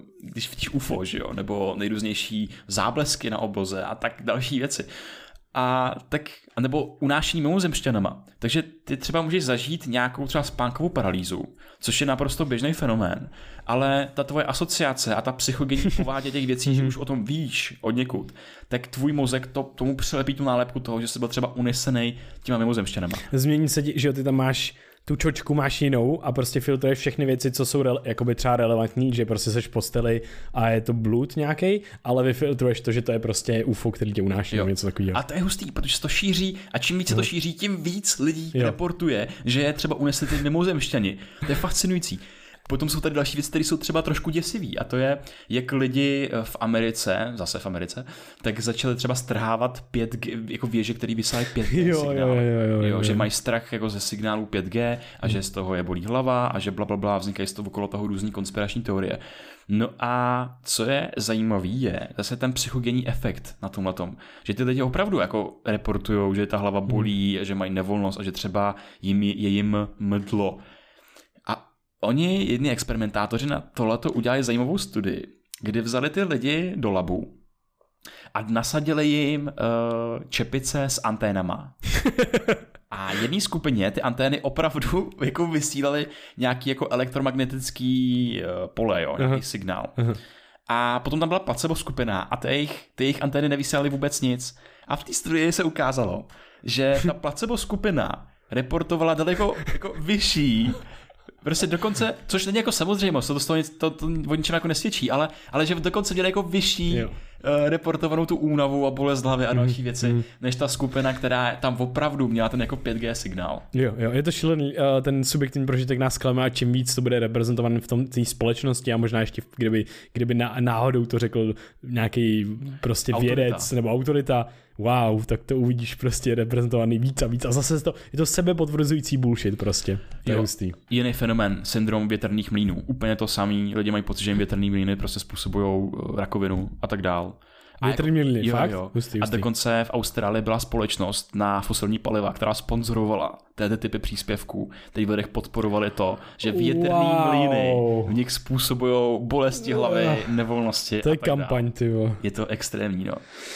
Okay. No a, a tohle je jako zajímavý v tom, jakou, že se, vrací, se vracíme zpátky k tomu mindsetu, jakou sílu má povaha přesvědčení hmm. na prožívání nějaký situace. A když bych to o tom měl vlastně schrnout do nějaký jako jiný z posledních studií, kterou tady chci jako zmínit, co se týče toho nocebo efektu, tak je rámcování znova těch situací. Mm-hmm. Protože máš nějaký lék a teď u toho léku dostaneš takový maličkatý papírek, kde je tisíc vedlejších účinků. A je zajímavý, když lidi, ty experimentátoři, zarámcovali ty vedlejší účinky, jakože 27 ze 100 lidí může většinou jako prožívat třeba nějaký následující negativní účinky tak potom ty lidi reportovali to, že ty účinky spíš se u nich projevily, nějaký ty negativní vlastnosti, než když tu samou situaci zarámovali tím způsobem, že 73 lidí ze 100 nereportuje ano. žádný negativní účinky. Mm-hmm. Mají naprosto pozitivní průběh. Mm-hmm. Jenom úplně ta samá informace, jako s těma milkshakema.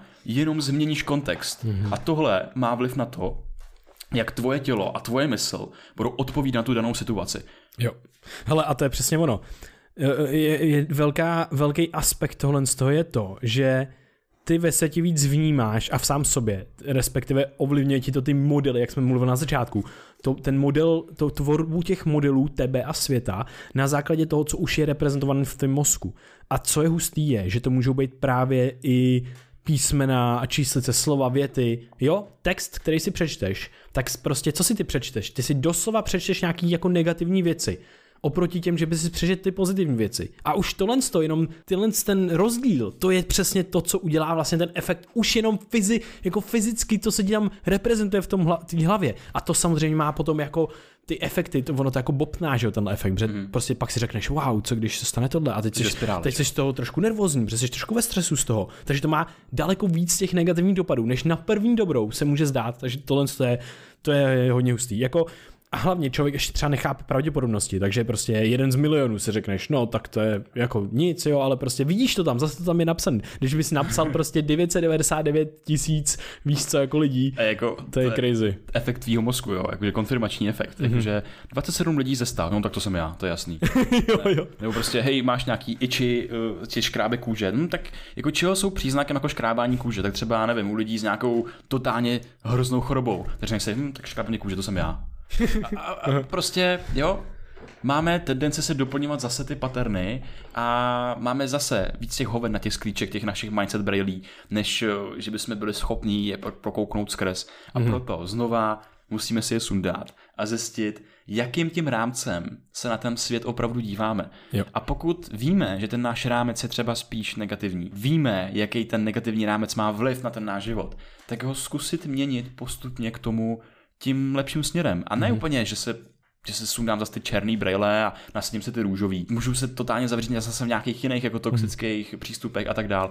Ale spíš zmírňovat ten negativní vliv těch černých mm. brýlí o trošičku. Jo, přesně. Fakt je jako zkou, zkoumat, udělat, udělat z toho takový jako experiment a neustále jako být všímavý vůči tomu mýmu všímání vlastně, vůči tomu mýmu vnímání a to mi přijde užitečný a pak jako fakt, když by to byla nějaká eh, jemně jako do pozitivna, si myslím, aby jsme vy, vy, vy, vyrovnali ten nějaký negativní bias, anebo jemně do pozitivna, že prostě už známe ty open placebo label studies, že prostě ví ty lidi, že to jsou placebo, jak jsi tady zmiňoval. Proč si neudělat svoje vlastní z něčeho, jo? Že prostě já nevím, já si dávám čagu, nebo něco, něco, něco, ale část toho efektu já vím, že no mám na to načtený studie, t, t, t, t, a nutně vím, že část toho efektu bude placebo plus ten reálný třeba efekt.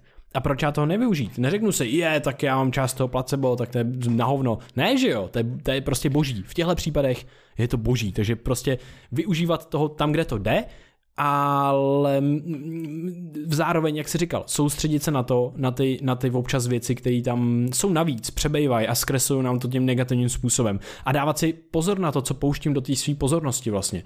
To si myslím, že je strašně důležitý. A já tady mám ještě potom takový, takových pár jako věcí, akční, které můžeme dělat, a proto, aby jsme tyhle ty věci mohli měnit, ale ještě předtím bych se rád dostal uh, k dalším vlastně zajímavým fenoménům. Jo, určitě. Já bych tady vlastně ještě jenom rád, protože jsme tady řekli, že máme nějaké třeba negativní předpojatosti a že ta cesta nemusí být úplně, že budeme stoprocentně pozitivní, mm-hmm.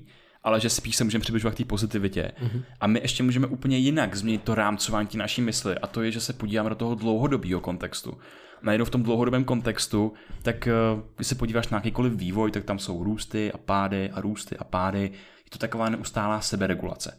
Takže ty, když seš třeba zrovna v tom údolí, kde se spadnu z té hory a není ti úplně zrovna nejlíp a říkáš si, teď vidíš ten svět těma černýma brýlema, který ti ten tvůj mindset jako nastavil. Říkáš si, teď je všechno fakt na hovno. A ty v ten moment se můžeš vrátit v těch vzpomínkách, když jsi byl na tom kopci a zjistíš, že tam jsou nějaký křivky, které jdou nahoru a dolů, že to jsou spíš kopečky a podíváš se do toho dlouhodobého fungování a zjistíš, to jo, wow, mě třeba ten můj stres teď, ten tady prožívám, tak mě povede k nějakým dobrým rozhodnutí v budoucnosti. Mm-hmm. A nebo mě ten stres teď právě posiluje a já díky Do tomu budoucna. budu odolnější mm-hmm. v budoucnosti. Boží, boží. A jenom ještě poslední jako praktiku k tomuhle z tomu, co jsme zažili my dva, že jo. My jsme si, my jsme si prostě taky vyměňovali spoustu možná psychoidních věcí na 100% se odehrává. Jako eh, jsme v blízkém kontaktu, jsme kamarádi, kolegové, něco, něco, něco. Je to hodně, děláme podcast. No a prostě občas někdo má alergii, občas někdo, nevím, nastyne, něco, něco, něco. A sdílíme to spolu, protože prostě, jo, jako sdílíš to s tím druhým člověkem, že jo, tak teď jsme si řekli, že, že občas prostě vynecháme některé ty negativní věci, protože my jsme se to učili hodně na začátku. Tam bylo nějaký jako bullshit, uh, třeba a snažili jsme se to jako filtrovat a přerámovávat aktivně velice. Teď to prostě občas si potřebuješ třeba postěžovat, takže teďka si snažíme jenom to rámovat tak, že hej, jako ten tlak je enormní občas a potřebuješ si občas říct, hej, mě fakt třeba na nic, nebo jsem fakt mega unavený, ale už se snažíme to říkat třeba někomu jinému, nebo víš, jakože neřekneš to takovým, A nebo ne v té každé situaci. Jako a nebo v té každé situaci. tak se z toho stane joke, a jako Ano, ano, vtip, ano, jako, ano. že hej, dneska se cítím na hovno. Ha. Jo, jo, jo. Jo, přesně, přesně. Takže to je jenom další věc. Vaše okolí. Záleží na něm a zkuste si se svýma kamarádama, lidma a tak dále říct, hej, co když teďka si tyhle ty věci, které sdílíme, ano, pojďme tady být pro sebe, buďme je sdílet dál, ale pojďme je sdílet v nějakém jednom bezpečném kontextu. Třeba tam na ty židli v šamance.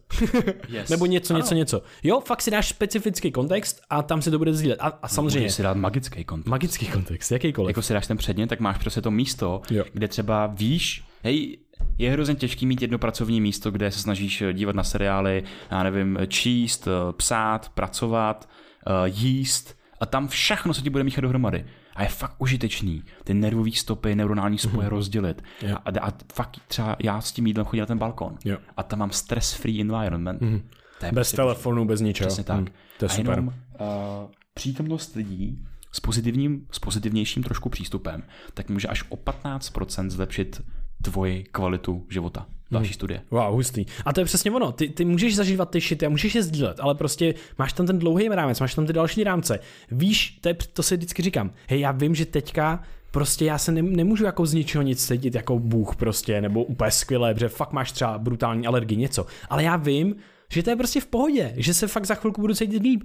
Že já můžu teďka být ten piece of shit, tyjo, který jako aktuálně jako moc věcí fakt nezvládne, protože prostě zánět, věci, věci, věci. Ale to je v pohodě, jo. A, a zároveň se snažíš si neříkat, že, že to nejde změnit. Takže snažíš se to měnit aktivně, jenom je to v pohodě, tak jak to je právě teď. A zároveň jako být informovaný tady je úplně jedna z těch, z těch největších hacků, kterými můžeme udělat, protože zkrátka třeba bolest je součástí našeho života, alergie a tak dál. A teď ale čeho ty se bojíš při bolesti? To jsou třeba nějaký třeba chronické bolesti kolen a tak Násled, dál. následky Bojíš nebo nevědomost. následků, že tvoje tělo nějakým způsobem se rozbije třeba. A nebo když máš alergii, tak se třeba bojíš, hej, máš zánět a teď budeš nemocný, měl by se jakoby ulevit a tak dál. Ale ty, když opravdu zjistíš skrze nějakého odborníka, ať už to je tvůj alergolog nebo třeba fyzioterapeut, že tam jako není nic špatně, že se nemůže, nemusí jako nic rozbít, tak wow, hej, co já teď můžu udělat? Já můžu ty kolena posilovat, já můžu začít dřepovat, hmm. nebo s tou alergií, hej, já třeba potřebuji fungovat a tak si dám, OK, antihistaminika, dám si k tomu kafe, nebo se budu zacvičit a zmírním ten projev, který je teď vlastně není relevantní. No, e, zrovna u té alergie to je dobrý příklad, protože to je vlastně fakt jako doslova bullshitování tvýho těla. Jo. Což je jako fascinující věc. Fucking alergie. prostě uh, znásilňování imunitního systému. Kytky mají orgie a ty trpíš. Jo. Ale tak prostě aspoň, si něk- aspoň někdo si užívá. Wow. No a to je hustý, ten kontext, jakože všude, kdyby prostě kytky měly jako orgasmus, že jo, tak asi fakt jako jsme, žijeme fakt jako hodně v pornosvětě. Všude orgasmy kolem, víš co. tak jako by my žijeme v pornosvětě, že? My žijeme v pornosvětě. Jakože prostě život je celý jako jenom o rozmnožování. Jako by lidi jsou pod oblečením nahý, víš co. No. Wow. Red pill! Pornosvět. wow, to se... mám něco, o čem jste ještě nevěděli. jo no. Bi- Biological based No ale, ale takhle se zkus občas kámo projít, jakoby, po, hey, po ne, ulici. Ne, ne, ne, to je divný. Ale no není, pro tebe jo, pro mě No, ne, ale- protože já nic nevidím, takže...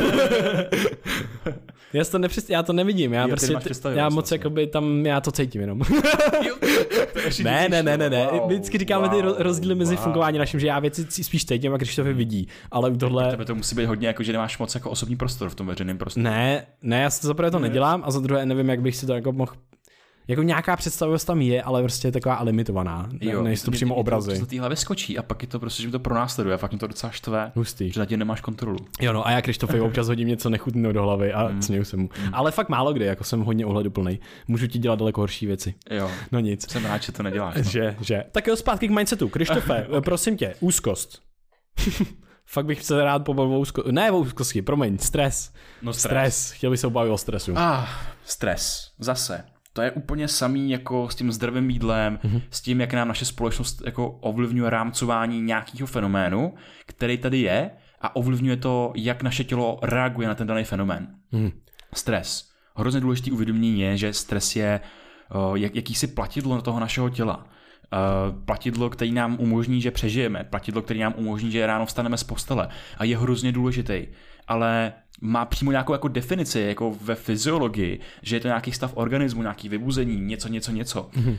A my jsme ho zařadili do takové škatulky, že stres je něco opravdu negativního a že nás to poškozuje a, a strašíme tím a tak dál. Jsou to, že jo, na všechny všude titulky, No, jasně. teďka ještě víc a víc a víc. Doba stresová, doba stresová úzkosti přesně. A, a, jak k čemu to všemu vede? Jak to vede prostě více onemocnění, tohle, tohle. To jsou asociace, ale vlastně a... možná tyhle titulky právě nejsou až tak užitečný pro nás. A pokud o tom člověk neví a nedokáže jakoby vědět o té pozitivní stránce stresu, my v našich přednáškách většinou že ho prezentujeme, že máš ten akutní stres, mm-hmm. To je mega pozitivní, a potom ten dlouhodobý chronický stres, který je negativní.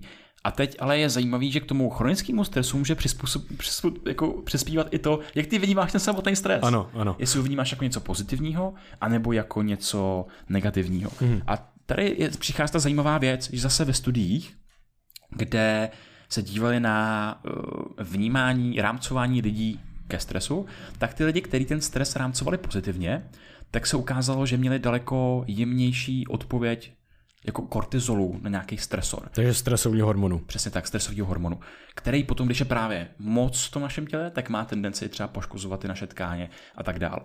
Oproti lidem, kteří měli naprosto přesně jako negativní přístup ke stresu, ty ten stres měl tendenci daleko víc uh, třeba jako vyčerpávat, jo, jo, poškozovat jo. a tak dále. Což je hrozně zajímavý. Uh, no. Já jenom k tomu, že vlastně, uh, že tohle je obří, obří téma, protože vlastně dneska o tom se, to se dostalo tak strašně moc do té popkultury. Jako je to úplně všude, je to prostě, když jsi byl malý, tak jsi slyšel od mamky, od taťky něco, něco, něco je, já jsem vystresovaná, je, já jsem vystresovaný, něco, něco, něco. A teďka jako, ty si to teprve začínáš rámovat a nevíš, co to třeba znamená. Já jsem jako to považoval za fakt jako vlastně negativní věc a, a je to hrozně divný, protože prostě ten stres je že evoluční adaptabilní mechanismus a fakt, jak se říkal, chceme zaprvé tady říct v nějaké jako reální věci, co se dějou, ale zároveň trošičku začít měnit ten přístup k tomu stresu, protože právě ale myslím, že to dělá ale Jakram zase ty dva typy mindsetu ohledně stresu. Něco jako deliberating, že prostě tě úplně jako zničující stres, ale můžeš mít druhý typ mindsetu, kdy ten stres tě trošičku posiluje, zlepšuje a tak dále. A myslím, že je fascinující studie, kdy oni se snažili, vzali si právě skupiny lidí a snažili se předámovat jim pomocí tříminutového videa, který bylo naprosto totožný, jenom byly tam trošičku jiný pojmy, mm. tak se snažili předámovat anebo informovat o stresu. A potom tam byly jako fascinující výsledky. To tříminutový video udělalo právě s tím, jak ty lidi, jak ty lidi reagovali na stres. Když budu reagovat na tu studii, uh, tak tam bylo zajímavé, že oni si vzali ten mechanismus toho stresu a to je, vypraví se ti adrenalin, vypraví se ti kortizol mm-hmm. a tyhle ty věci. Ale za co může adrenalin a kortizol? Ano, eh, nebezpečí, hrozba, můžeš utíct. A na té druhé straně, wow, příprava. Příprava, mm. motivace, motivace, mm-hmm. jako výkon, Performance. Fyziologický zrušení. A tohle byl ten rozdíl mezi těma zprávama. Mm-hmm. A ty lidi, kteří byli většinou pod velkým stresem, byli to nějaký pracovníci, a už nevím kde, v nějaké firmě možná, a tak těch, během těch tří týdnů tak reportovali nejrůznější třeba zlepšení různých, různý jako výkonnosti, ale i třeba únavy a mm-hmm. regenerace a tak dál ty, kterým byl jako prezentovaný ten motivační aspekt toho stresu. Jo, takže bychom jako přesně chtěli vlastně provést to samý, jenom fakt jako ten stres můžeme vnímat různýma způsobama a pojďme ho zkusit společně. A tohle je pro nás i dobrá věc, protože my si tady vytváříme to accountability a my se to snažíme s tím pracovat už dlouhodobě. Ale samozřejmě každý připomenutí, každá další integrace do toho našeho života, aby se to stalo automatem, kdy wow, já tady cítím nějaký tlak. Co my děláme při, při, před konferencí? My přerámujeme jako zcela už automaticky a vědomě přerámováváme tu situaci na to, že to je stav vzrušení. Jdeme třeba to spojit s nějakou fyzickou aktivitou, jo. aby ten i organismus věděl, že to je jenom vzrušení. A tohle je mega moc užitečný. Takže cokoliv, co přináší nějakou stresovou věc, tak si můžeme i uvědomit, že jsou nejrůznější fenomény toho, když nás čeká deadline a máme stres z toho deadlineu a potřebujeme něco dodělat. My nejsme schopni to dělat třeba dva týdny předtím, ale když už se to blíží, tak náš organismus potřebuje určitou míru zrušení pro to, aby jsme měli dostatečně motivaci, dostatečně úsilí, dostatečnou fyziologický vzrušení na to, aby jsme to vůbec začali dělat a tím se nám třeba zlepšuje kreativita, výkon, řešení problémů, kognitivní schopnosti a to je naprosto fascinující. Ale musí to být zkomplementovaný přesně, když máš úzkost něčeho budoucího, mm-hmm. tak to musí být zkomplementovaný s tou akcí. Ano. Takže když tě přepadne úzkost ohledně nějaký, že máš za týden deadline, tak hej, ta úzkost ti teď vytváří ten adrenalin a ten kortizol, hm, co tak kdybych mohl tu energii vzít a někam jako investovat. Tak já ji můžu investovat do toho, že ten úkol teď dodělám. Mm-hmm. To je úplně super. Jo, jo. A je to hustý, že právě fyziologicky tyhle stavy jsou velice, velice blízko. To je obsah jednoho z našich red pilů, kdy můžeme přerámovávat právě uh, nějakou tu třeba jako úzkost nebo trošičku malinký strach nebo nějaký takový malinký nepříjemný pocity. Právě s tím vzrušením. Nervozita a vzrušení velice, velice blízko sebe. Na to se váže ještě další spousta věcí. Ještě jednou bych chtěl jako zmínit uh, elitní sportovce, který, u kterých se ukázalo, že právě pro ně, že jo, ta míra stresu je naprosto zásadní pro to, aby vytvořil nějakýkoliv výkon. Hmm. Tam, když je člověk jako vyzenovaný, tak vlastně je to velice, velice těžký. A, ale co mě zaujalo, tak byla jedna studie na basketbalistech, který uh, házeli na koš a občas ty basketbalisti jsou prostě fakt jako nasraný hmm. a prostě mají nějakou jako emoci, nějakého vzteku. A ukázalo se, že ty vsteklí tak byly daleko přesnější v tom házení na Okay. koš, než ty, než ty, který vsteklí nebyli. A představ si Michaela Jordana, eh, byl úplně krásný dokument o něm eh, The Last Dance na Netflixu a on podával ty nejlepší výkony, když ho někdo nasral. On prostě použil tu emoci toho vzteku a teď se na něj jako svez a podal úplně jako ten nejlepší, nejlepší možný výkon. Uh, takže my, jakýkoliv ty emoce, já si to představuju, přijde ta emoce nebo přijde ten stres a my to můžeme využít, využít jako to vozítko, který přijelo před ten tvůj barák, ten autobus, který jezdí nepředvídatelně prostě párkrát do dne a ty na ně můžeš naskočit a můžeš s ním odjet tam, kam zrovna potřebuješ. Mm-hmm. Doděláš ten úkol, nebo prostě jdeš na ten zápas, anebo jdeš na to pódium, s kterým máš zatracený strach a ty to přerámuješ a dáš tam o trošku lepší výkon, než prostě bys dal ve stavu, kdy budeš naprosto vyděšený, když to publikum sežere. Jo, a myslím si, že ještě takový jako přesně fakt si uvědomit takový to meta přesvědčení ohledně z těch některých možná prožitkově jako subjektivně negativních třeba aspektech, tak fakt jim vlastně být za nějakou vděčný, že vlastně wow, OK, tady něco přichází, to znamená, že na tom následující, na té události, která se má dít něco, něco, ono mi na ní asi záleží. Ono mě to na ní připravuje nějakým způsobem. Jo, někdy ano, skutečně jeho mnoho, my se tady bavíme o stres redukujících technikách neustále, jakože můžeš fakt zpracovat i s tím tělem, ale pojďme to využít, ty naší mysli a podpořit to tělo. To si myslím, že je prostě zcela zásadní, takže uh, to, to je jako fascinující jako vůbec, že zase hrozně jsem vděčný za to, že někdo si vzal tu myšlenku, dělá na to research, má na to tak jako robustnější a robustnější data a tohle se zkoumá, prostě jsou na to, já nevím, nejrůznější, jako i oddělený prostě už na velkých, velkých univerzitách, takže uh, boží. A s tím souvisí, že i růstový mindset, zkrátka. Mm-hmm. Uh, a tady je ta síla toho vzdělání, že přesně někdo ti řekne o stresu a teď ty vůbec o tom nic nevíš, nezajímáš se o to, nestuduješ biologii, většina lidí nestuduje biologii a najednou ti někdo řekne, že stres je negativní. Tak jasně, že každý stres bude negativní a ty prožíváš stres a najednou wow, hej, to je negativní. A najednou ti to někdo změní, hej, ten stres může být i pozitivní. Hmm. A najednou wow, naučíš se, hej, ten stres může být i pozitivní, já se na základě něho můžu posilovat a potom prostě přijde Karol Dveková a řekne ti wow, růstový mindset. Hmm. A ty si řekneš, hej, každý můj fail tak je nějaký proces učení a v tom dlouhodobém kontextu, já když zažívám ty drobné stresy, tak se stávám silnější a dostávám se k nějakému antifragilnímu fungování, což znamená, že vlastně sám sebe posiluju uh, ve světle každého nového stresu. Že ten stres tak mi neničí. A najednou tohle je ta cílová rovinka, kam se chceš dostat. A k tomuhle tak bych se tady ještě rád pověnoval jednomu fenoménu, který určitě se mnou souvisí nejenom s mindsetem, ale právě i se stresem. A to je naučená bezmocnost. Hmm. Říká ti to něco? Jo, trošku mi to říká. Říká mi to asi to, že možná prostě člověk párkrát zažije to, že něco nezvládne, něco si nedo, nemůže dovolit, nemá na to, nevím, energii, nebo já nevím, třeba jde cvičit a onemocní a když se to stane párkrát za sebou, tak ten organismus se možná učí, že to znova v budoucnu už nezvládne, že znova se stane nějaký takový fuck up. A to, to mám pocit, že je taková jako typ naučení bezmocnosti. Jo, a já ti řeknu studie na tohleto téma. A ty studie jsou z roku 1967 od eh, Seligmana, který právě studoval naučenou bezmocnost u psů. Ty studie jsou taky, taky slavní, dneska má takový hezký přehled takových těch docela do dobrých uh, známých studií. No a ten Seligman tak dával vlastně elektrošoky psům. Mm-hmm.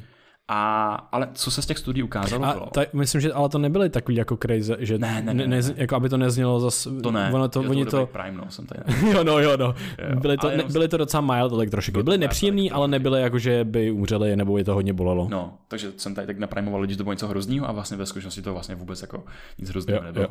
Takže jedna skupina, tak ta, to byly psy, kteří vlastně mm, nic nedostali, byli jako v pohodě. A potom, co bylo zajímavé, tak uh, oni měli nějakou jako ohrádku a teď tu tam pustili tu druhou skupinu, která dostala nějaký jako mild shock, elektrický šok. A oni ten šok mohli zastavit tím, že zmáčkli páčku. Takže se ty psy naučili mačkat tu páčku, vždycky, když přišel ten šok. Ale pak byla třetí skupina, kterou dali do ohrádku vedle. a ty tam žádnou páčku neměli, ale taky dostávali ten šok. A oni byli závislí na tom druhém psovi, který zmášnul tu páčku a teprve tehdy jim ten šok přestal. Pardon, oni tam taky měli páčku a ta páčka nefungovala. Jo, jo, jo. A ty třetí psy, ta třetí skupina psů, tak neměla tu kontrolu nad tím efektem. A oni se naučili tu bezmocnost. To znamená, hmm. že oni potom udělali návazující experiment, kde měli jednu ohrádku, tam měli překážku, potom měli druhou ohrádku. V té jedné ohrádce ty psy dostali ten elektrický šok a když přeskočili, tak eh, v té druhé ohrádce prostě byli v bezpečí a byli v pohodě. No takže tu druhou skupinu, ta první skupina, že ho přeskočila automaticky, tam potom byla bez šoku, druhá skupina, která dostala ten šok a potom ho zastavovala sama, takže, to, že, tak, takže měla tu kontrolu, tak taky přeskočila a potom neměla ten šok. No a co se stalo u té třetí? Ta třetí skupina, která se naučila, že to mačkání páčky, tak je naprosto bez výsledku, že nemá tu kontrolu, tak oni úplně pasivně si lehli a prostě jenom jako přijmuli vlastně to, že dostávají nějaký wow. šok. Ani vůbec neskoumali tu aktivitu kolem a ne, ani se nesnažili přeskočit jako tu přehrádku, že tam vedle, že tam vedle prostě, že, že existuje nějaká možnost, jak se z toho dostat. Hmm, wow. Tohle je naučená bezmocnost. Hej, tohle je šílený. A, a jenom prostě právě ještě pro ilustraci, fakt je to o té vlastně kontrole, že ten pes získává kontrolu nad tím stresem, i když, ten, i když toho šoku mohlo být úplně ekvivalentní množství, tak ten první ohrádka, oni prostě měli kontrolu nad tím stresem, což je jako, nebo nad tím šokem, což je jako úplně neuvěřitelný a mě to ještě eh, v kontextu tohle, tohle to mě napadá ještě jako další animální experimenty zase na myších. No, ještě. Já ještě teda doplním. Mm-hmm. A myslíš si, že se z toho ty psy dostali? Um, z té naučený bezmocnosti? Jo. Myslím jo. si, že se na, dokázali naučit a přerámovat to po nějaký době. No a zajímavé je, jak se to dokázali naučit. Oni se to totiž nedokázali naučit sami. Mm-hmm. Ty experimentátoři je museli vzít a přímo je zvednout a jejich nohy začaly, začaly hejbat jejich nohama wow. a dostat je do toho druhého kotce, kde ten, mm-hmm. kde ten elektrošok nefungoval. Najednou oni přišli na to, že existuje jiná možnost. Mm. A vždycky trvalo minimálně dvakrát tohle museli udělat, aby ten pes potom sám se zvednul a přeskočil ten kotec. Takže jde to znova zvrátit, vlastně ta naučená hmm. bezmocnost, ale je tam daleko větší potřeba nějaký akce z toho vnějšího okolí. A to je přesně to, proč funguje psychoterapie, proč hmm. funguje uh, psychohygiena nebo... Jo, no a tady k tomu vlastně možná velice jako eh, k věci, jako kdokoliv každý z nás myslím, že zažívá občas jako divný, nepříjemný momenty nebo strasti nějaký, tak jako je tady jiná možnost, jakože jenom prostě jenom tohle věc, jakože zkoumá se i třeba efekt a hodně dohloubky, uh, i v medicíně, efekt nějaký jako hope, uh, co je česky, prosím. Víra? Důvěra? Důvěra, nějaký jako důvěry nebo naděje. Naděje. Jo, takže prostě jenom mít v hlavě naději, že existuje jiná možnost. I když to vypadá, že prostě ne. I když to vypadá, že hej, já jsem to nezvládl stokrát. Prostě, ale mít tu naději, že existuje jiná možnost, bude dělat ty rozdíly potom, protože tohle to bude ovlivňovat tu míru stresu, aktivitu, jakou ten člověk bude dělat a tak dále. A pocit kontroly. To je strašně důležité v tom našem životě. A, ale zajímavý jsou experimenty právě třeba na myších, kde ten pocit kontroly může se trošku zvrátit a taky e, e byli potkani a dávali jim elektrické šoky a signalizovali jim, jestli, kdy, ten, kdy jim ten šok přijde.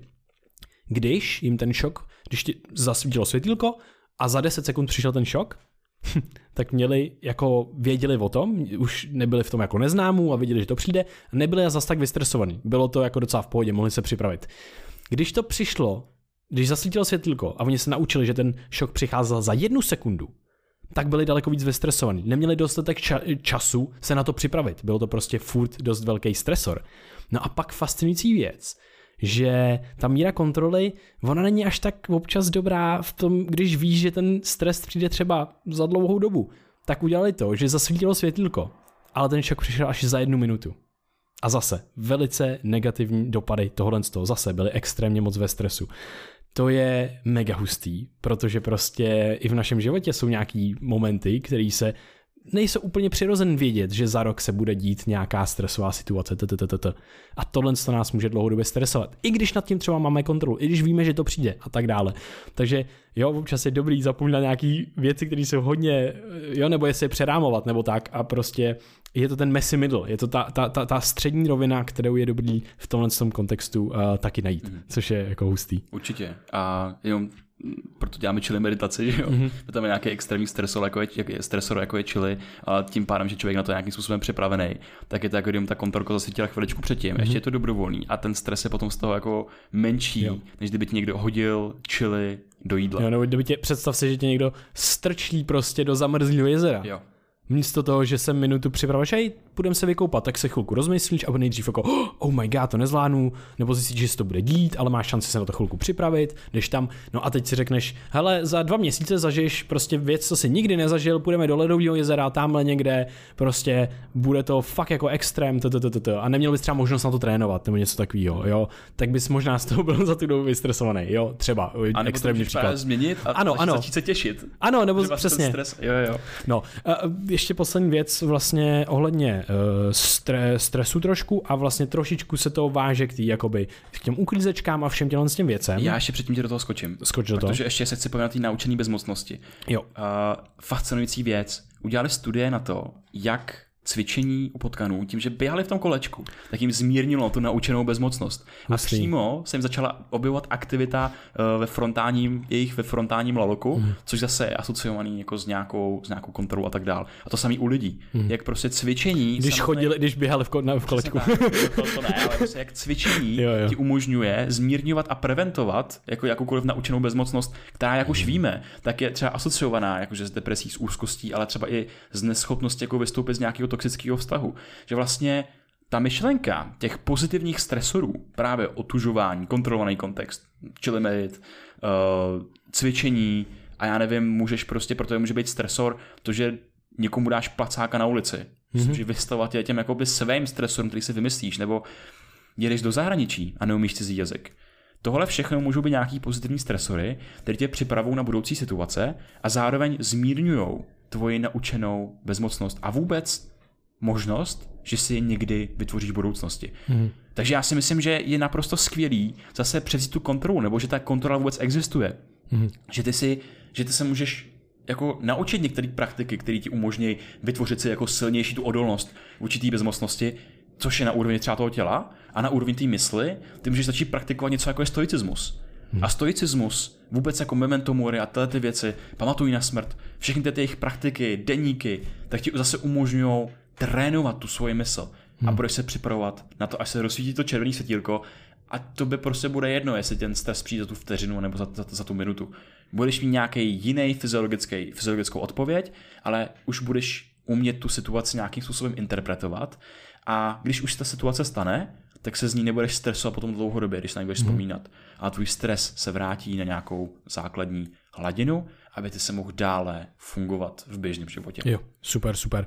A já tady mám další věci, ty vtipný, ty začal, já jsem chtěl mluvit taky o myši o potkanu, který běhá v tom, eh, v tom kolečku běhacím a jsou, je fascinující studie, kdy vlastně uh, zase, když jo, prostě potkání myši rádi běhají, a naběhají úplně třeba stejné množství jako druhá skupina potkanů, který ale byli nuceni do toho běhání a ukazuje se, že byli prostě, nemohli z toho vylézt a museli tam prostě běhat a tak dále a, a měli právě nějakou negativní zpětnou vazbu, když přestali běhat. No a ukázalo se e, to, že nucení toho běhání snížilo, vlastně vymazalo ty pozitivní benefity toho cvičení. A ty potkani, který běhali sami dobrovolně, prostě to mají rádi, tak viděli ty benefity. A to je strašně fascinující. Tohle je spíš jako na třeba rodiče, týmy, organizace, že lidi rádi zkoumají a dělají věci.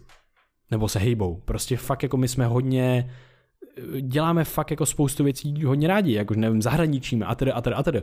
No ale vem si, přehoď si ten kontext a někoho nuť prostě pracovat na zahradě třeba a tak, a, a tak dále. Někoho nuť prostě se učit věci, které ho třeba nebaví. No a tohle je fascinující, protože on může dělat úplně stejnou, stejně hodně té práce třeba, ale v jiném kontextu a bude z toho mít požitek, a než aby ho k tomu někde nutil, měl nějaký tlak a tak dále. A tohle to vidíme dneska v organizacích, které se snaží být agilní a dopřát těm lidem, Slyšeli jsme o té konferenci, že jo? No ty jsi tam možná zrovna nebyl, ale jak, jak teďka jako Gen Z a prostě mladší jako generace vůbec nejsou schopni vydržet u nějaký věci hmm. a ty organizace, se při, organizace se přizpůsobují a dávají jim totálně volnou ruku. Takže prostě hej, ty chceš z marketingu na, nevím, technologicko, technologické inovace, jasně, jdi tam to zkusit a takhle. A teďka najednou ty organizace rostou díky tomu, protože ty lidi si najdou to, co je baví a budou tam podávat třeba tisíckrát lepší výkon, jako doslova. Hmm. A tohle je fascinující, takže na to jenom myslet, když možná někoho nutíme do něčeho, možná to bude dělat třeba sám dobrovolně, mm, třeba jindy nebo za nějakou dobu. A jo, jasně, jsou situace, kdy musíme něco prostě udělat, musí se zvládnout. Neříkám, že to, je, to je, že to je dogma, je to prostě jenom fenomén, který se objevuje. A to je zase nějaký rozdíl mezi vnitřní a vnější motivací, že mm-hmm. zase jako určitý množství peněz už tě přestane motivovat. Potřebuješ nějaký základní, ale prostě potom ty vnější vlivy začnou, přestanou mít takovou moc. A možná je to jako u té social prestige, tam je to trošičku jako na diskuzi, mm-hmm. ale samozřejmě, že jako jinak ta vnitřní motivace vždycky bude mít ten nejsilnější, nejsilnější efekt. Mm-hmm. A tak aby jsme to možná zarámovali, že jako ten mindset. Tak co, co si z toho toho bereš? Ale já bych ti chtěl říct ještě jenom, než to schrnout, tak já bych chtěl říct ještě jeden hodně zajímavý fenomén, hodně důležitý a jenom schrnout vlastně pár studií do, do takového zajímavého rámce. Já už potřebuji na záchod, víš, tak pospíchám. Jo, já, taky, já už taky, ale říkal jsem si, že to vydržíme. Takže, uh, my ten mindset můžeme brát i v dlouhodobém kontextu a jsou fascinující studie, která, který uh, zase dělají přímo jako jedna typka zkoumá to, jak vnímáme stereotypy stárnutí.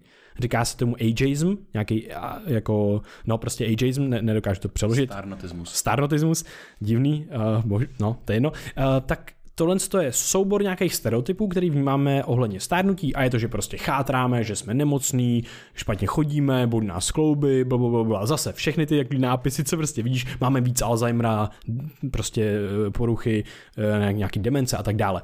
No a ukazuje se, že tenhle stereotypy ovlivňují skutečně tu fyziologii a výrazným způsobem. Ze všech studií, co jsem tak nějak kolem mindsetu hledal a, a viděl, tak tyhle byly vlastně měly úplně nejsilnější efekt protože snižovali třeba incidenci, ty, ty, ty negativní a pozitivní přesvědčení, ty rozdíly, změnili incidenci Alzheimera nebo nějakých neurodegenerativních onemocnění třeba o 50%.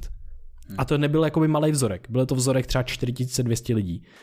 A, a, ne, a nebo to byly longitudinální studie po dobu 32 let, další, další věci. Ty přesvědčení, pozitivní přesvědčení ohledně stárnutí ovlivňovaly i to, jak dlouho se ty lidi dožili průměrně o nějaký jako dva roky. Prostě jako fascinující, uh, fascinující věci a dokonce fakt tam byly jako věci třeba jako sluchový vnímání. Máš stereotyp, že se ti zhorší sluch a tak dále. Když měl ty negativní, to negativní přesvědčení, to byla studie, která byla uh, u lidí mezi 70 až 96 lety uh, po dobu 36 měsíců, bylo tam asi 550 lidí. Ty negativní stereotypy zase daleko víc jim zhoršily ten, to, to, to sluchový prostě vnímání, jak slyšeli a tak dále. Takže tohle je za mě úplně fascinující. A potom tady bylo brutální studie na to, jak tvoje nějaký právě zase pozitivní sebepercepce stárnutí, uh, tak bylo asociováno zase znova s delším životě, životem a bylo to skrz mechanismus zánětu. Oni jim změřili zánět na začátku, změřili jim zánět uh, v průběhu a na konci a změřili jim C-reaktivní protein, což je největší reprezentant právě zánětu. A ukázalo se, že už se objevují, už zjišťujeme postupně, protože fakt jako na tohle se zaměřuje přímo je na to přímo jako skupina zase lidí na, na myslím, že na Stanford nebo na někde na nějaký takový jako univerzitě a oni zjistili, že ta negativní, negativní přesvědčení ohledně toho stánutí zvyšovaly dlouhodobě zánět. A tohle to zvyšovalo pro, jako ty negativní aspekty toho stárnutí a tak dále, i mentálního zdraví a tak podobně. Takže tohle to si myslím, že jsou jako, jsem chtěl jenom zmínit, že existuje spoustu studií na tohle, já jsem tady vytáhl nějaký tři, čtyři jako hodně důležitý a můžeme si prostě prodlužovat život skrz vnímání toho, jak stárneme. Mm. A jak to změnit? Znova udělat si, OK, co znamená stárnutí? Hej, já moudřím, já budu, já budu mít daleko víc zkušeností, já budu daleko jo, daleko chytřejší, já budu prostě uh, třeba silnější, jako old man se říká, to můžeš to tak vnímat. Jako to, je to old man's uh, strength, že jo, se říká, jako No, jasně. síla starého Síla muže starého prostě, protože když někdo stiskne nějaký týpek starý, tak prostě urve je mi ruku. urve ruku. A takhle můžeš, takže to takhle můžeš jakoby vnímat, jo. A to je, to je hrozně užitečný, si myslím. Takže vidíš prostě rozdíl mezi tím pozitivním nabitým člověkem starým a, a, a, a, někdo, kdo prostě už to vzdál a chátrá a nemocný a tak. Není to jednoduchý, je to hodně, hodně vepsané zase v té naší společnosti, ale pojďme si myslet, pojďme mířit na to, že v 80 budeme nabitý a chodit do gymu prostě. Hmm. Jo? Hej, já když Let's vidím, go. já když vidím nějakého nabitýho týpka, který mu je prostě třeba 70 Na TikToku. Někde. Ne, já jsem ho potkal na pláži. Hustý, jo, to je crazy, To no, jsem to je crazy. a říkám, dohá, jako já chci smeknout klobouk. Mhm. Má je před ním. No a, ale jako, když dostaneme ten koncept nějakého zdravého stárnutí, o což se vlastně i snaží jako celý odvětví dlouhověkosti, nejenom v těch, eh, řekněme, mm, terapiích, terapeutických přístupech, ale i ohledně nějakého povědomí, protože víme, jakou třeba to ten mindset hraje v tomhle tom roli. Tak co to udělá? Ty najednou si řekneš, OK, já chci mít zdravý stárnutí a je mi 26, mám o tom začít přemýšlet? Jasně, že jo. Protože ty, když si třeba do té hlavy dáš nejenom, já chci mít zdravý stárnutí, ale třeba já se chci dožít 150 let, mm-hmm. protože mám víru nejenom jako v medicínu a v pokroky ve vědě, ale zároveň i ve své schopnosti. Mm-hmm. Co to udělá? To ovlivní tvoje každodenní rozhodnutí. Mm-hmm. Ty dneska budeš dělat ty aktivity dlouhodobě, aby ty si byl prostě fit třeba v těch 70. Jo. A je úplně jedno, jestli to vy- vydaří nebo ne. Přesně. Ty jenom si zvyšuješ pravděpodobnost, že to půjde. To je všechno, že v těch 80 půjdeš do toho gymu prostě. Jo, a všechny tyhle aktivity tak ti umožňují to, že ty se budeš i teď cítit líp, protože to, co ti umožňuje žít ten zdravý život, Mhm. mm-hmm. tak ti bude umožňovat teď se cítit nejlíp na světě a dělat ty nejlepší věci a nejlepší rozhodnutí, které můžeš. Jo, hele, fascinující. A možná úplně, já to musím zmínit, je to crazy věc, jo. A my jsme se tady bavili, a to možná už začínáme trošičku schrnovat, ale myslím, že tohle to zase lidem vybouchne mozek a myslím si, že si to můžou jako osobně potom najít, když by někdo měl jako zájem. Exist... Nevytváří psychogenní efekt, pak lidem začnou bouchat mozka, budu za to vidět, vidět nás. Wow, yes, yes. Hele, je to, uh, je to variace v genu, který se jmenuje RS4680 a on kóduje katechol o katechol o metyltransferázu. Jednoduše, jednoduše to znamená, je to enzym, který ti vlastně tak nějak eh, zpracovává eh, dopamin a katecholaminy, takže noradrenalin, adrenalin, jo, to jsou prostě hormony, které tě nabuzují. Dopamin známé, úsilí, motivace, odměna a tak dále. Existují tři varia- varianty, variace uh, tohle z toho genu. Uh, ne- nebudeme se bavit konkrétně prostě, jaký tam jsou proteiny a tak, nebo, Ne, nebo, enz- nebo jako Ne, uh, aminokyseliny, to nebudeme řešit, budeme řešit jenom to, že jedna varianta je hodně aktivní, jedna ak- varianta je tak středně aktivní a třetí varianta je málo aktivní. Co to znamená? Když je hodně aktivní, když mám hodně aktivní tu katechol o metyltransferázu, tak já budu hodně rychle rozkládat ten dopamin. Bude se mi rychle zpracovávat a budu mít nižší baseline toho dopaminu, nebudu ho mít tolik a nebudu mít tolik noradrenalinu a adrenalinu. Budu třeba možná reprezentace tohohle typu bude možná třeba trošku klidnější a ne tak jako vystřelnej hodně a ne tak víš, jakože menší výkyvy třeba. Tak si to představím, že vlastně ti to mozku předu, jak máš tam víc těch nákladáků, který prostě naloží větší množství toho dopaminu a odvezou ti ho někam. Vedvezou ti ho někam, přesně. Když se ti vyplaví, tak oni ho dokážou rychleji zpracovat a on nebude působit takovou dobu a nebude ho tam tolik. Střední aktivita, to prostě bude někde průměr a potom máš nízkou aktivitu, budeš mít víc dopaminu, toho základního a budeš mít i víc dopaminu, když tě něco natchne, když něco vystresuje, něco, něco, něco. A v ostatních katecholaminu taky. Takže pravděpodobně ty tvoje výkyvy budou o trošičku vyšší. A teď se ukázala fascinující věc.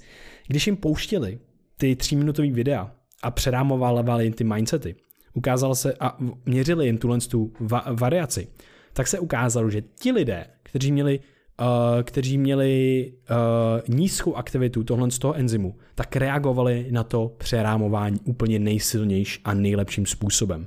A proč?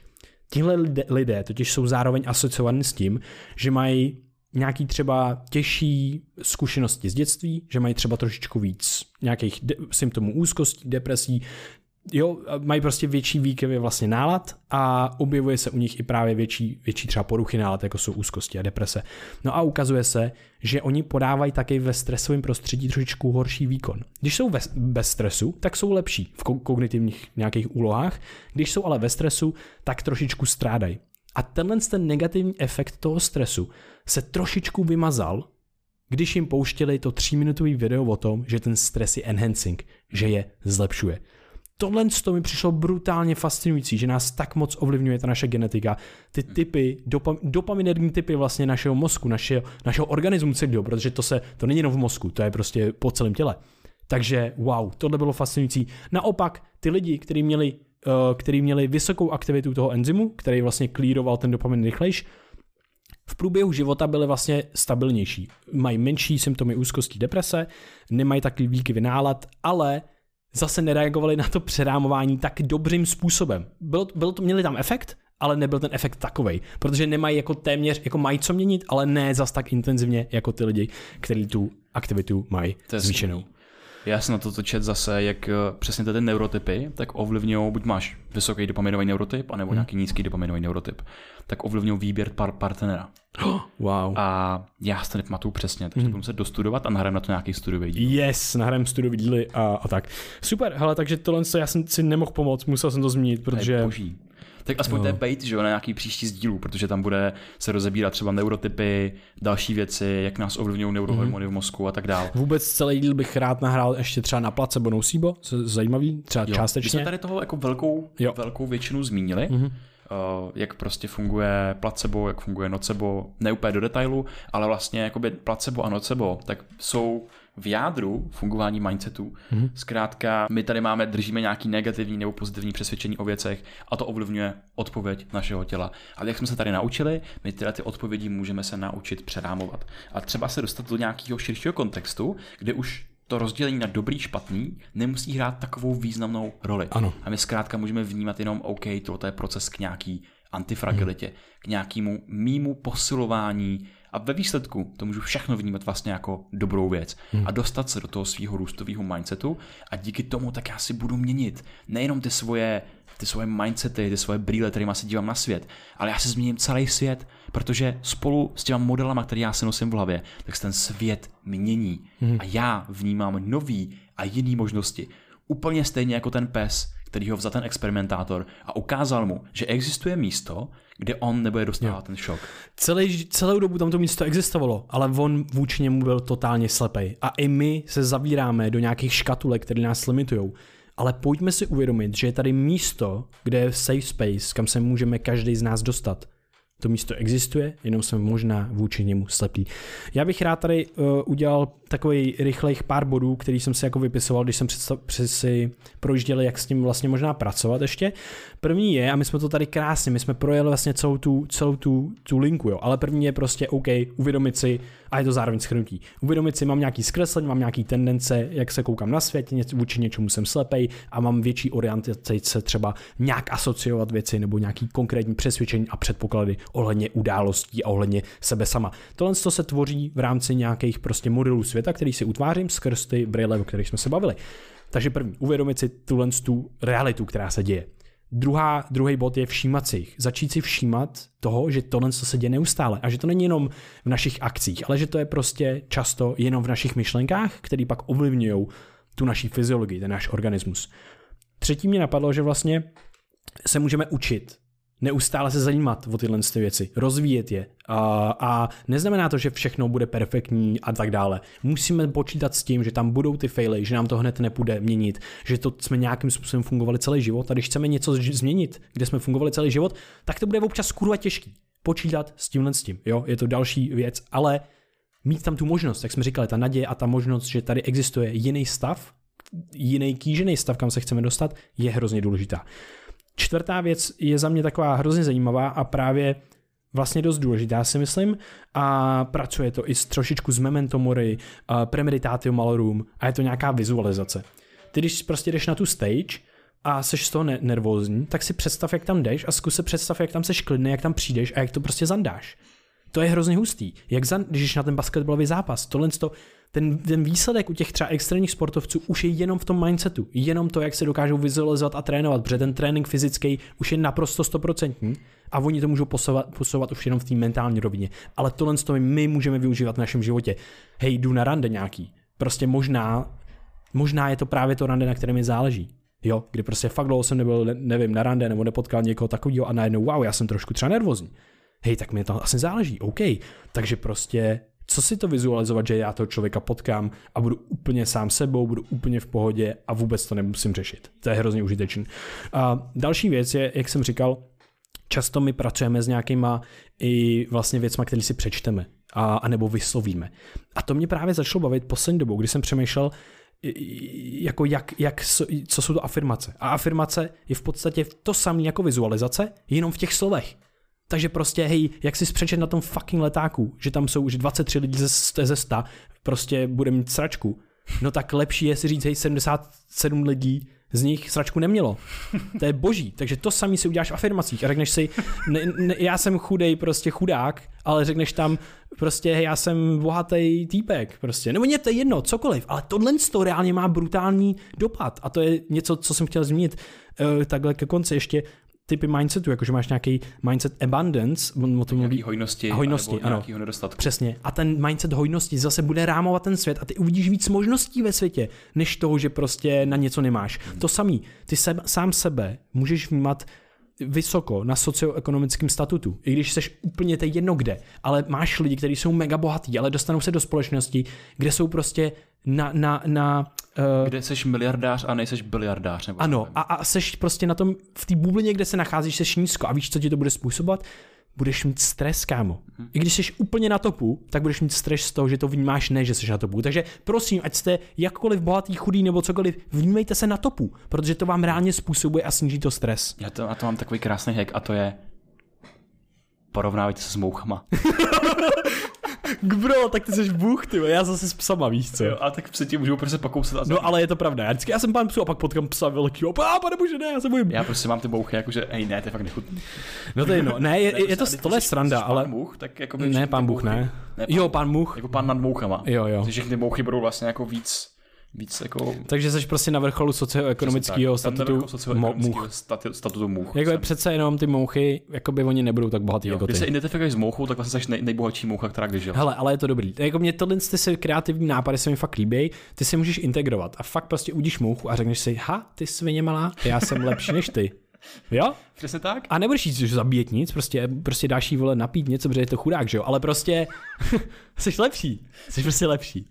No nic. Uh, boží, hrozně moc užitečný. A poslední věc, která mě k tomu... A nebo aj, ale prostě úplně nejjednodušší věc. Srovnávaj se sám se sebou v minulosti. Hmm. Jo.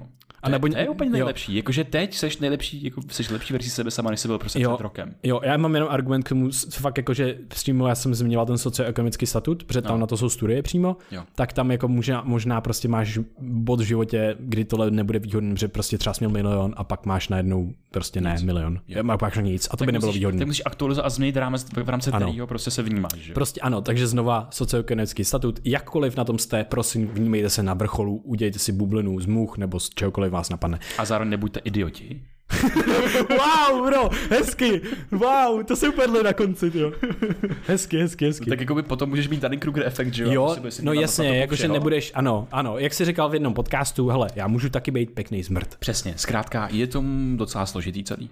Takže prostě vnímejte ty aspekty toho a myslím si, že jsou ty nástroje, jako je to škálování jo. v tom čase, v tom prostoru, můžeš prostě měnit ty kontexty a to, to je úplně nejdůležitější, hmm. jako ve všem, co děláš. Buď hmm. kreativní v tom, jak hledat ten svůj well-being ve světě. Jo. A přesně, já jsem nechtěl poukazovat na to, bylo to fakt jako o tom subjektivním prožitku, o tom, jak to vnímáš. Není to, abys měl nos nahoře vůči ostatním, to vůbec ne. Jo, je to jenom, jak se vnímáš sám, sám sebe. tak ty to chápeš, to je dobře.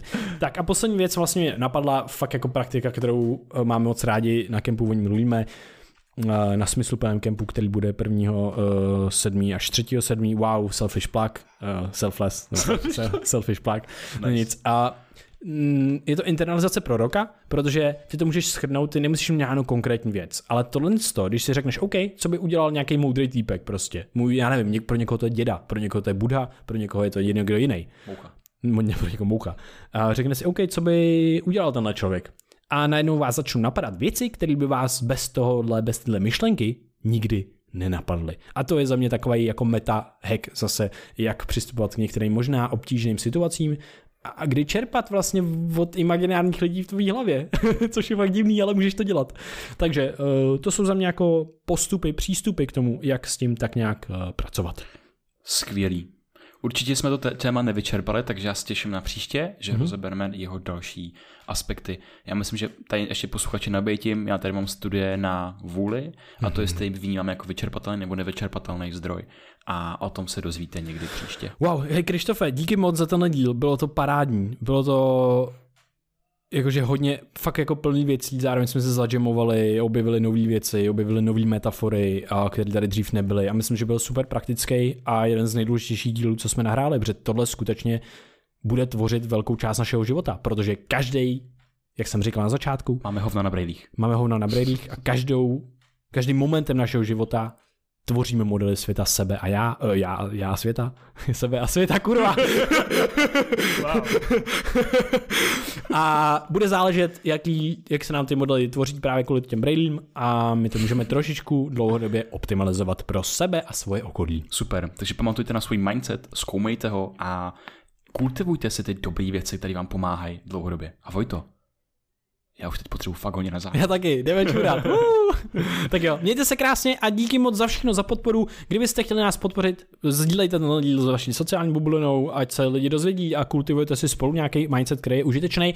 A nezapomeňte, máme venku naše online kurzy, jako je průvodce mozkem a myslí a mentální modely s kodem BVA, je tam sleva 10%. A stejná sleva je i na vybraný doplňky na e-shopu uplife.cz, kde máme svůj vlastní, jako je Brain Yarn the Mind, na paměť, mozek, mysl a taky třeba cordyceps, jedna z nejlepších medicinálních hub.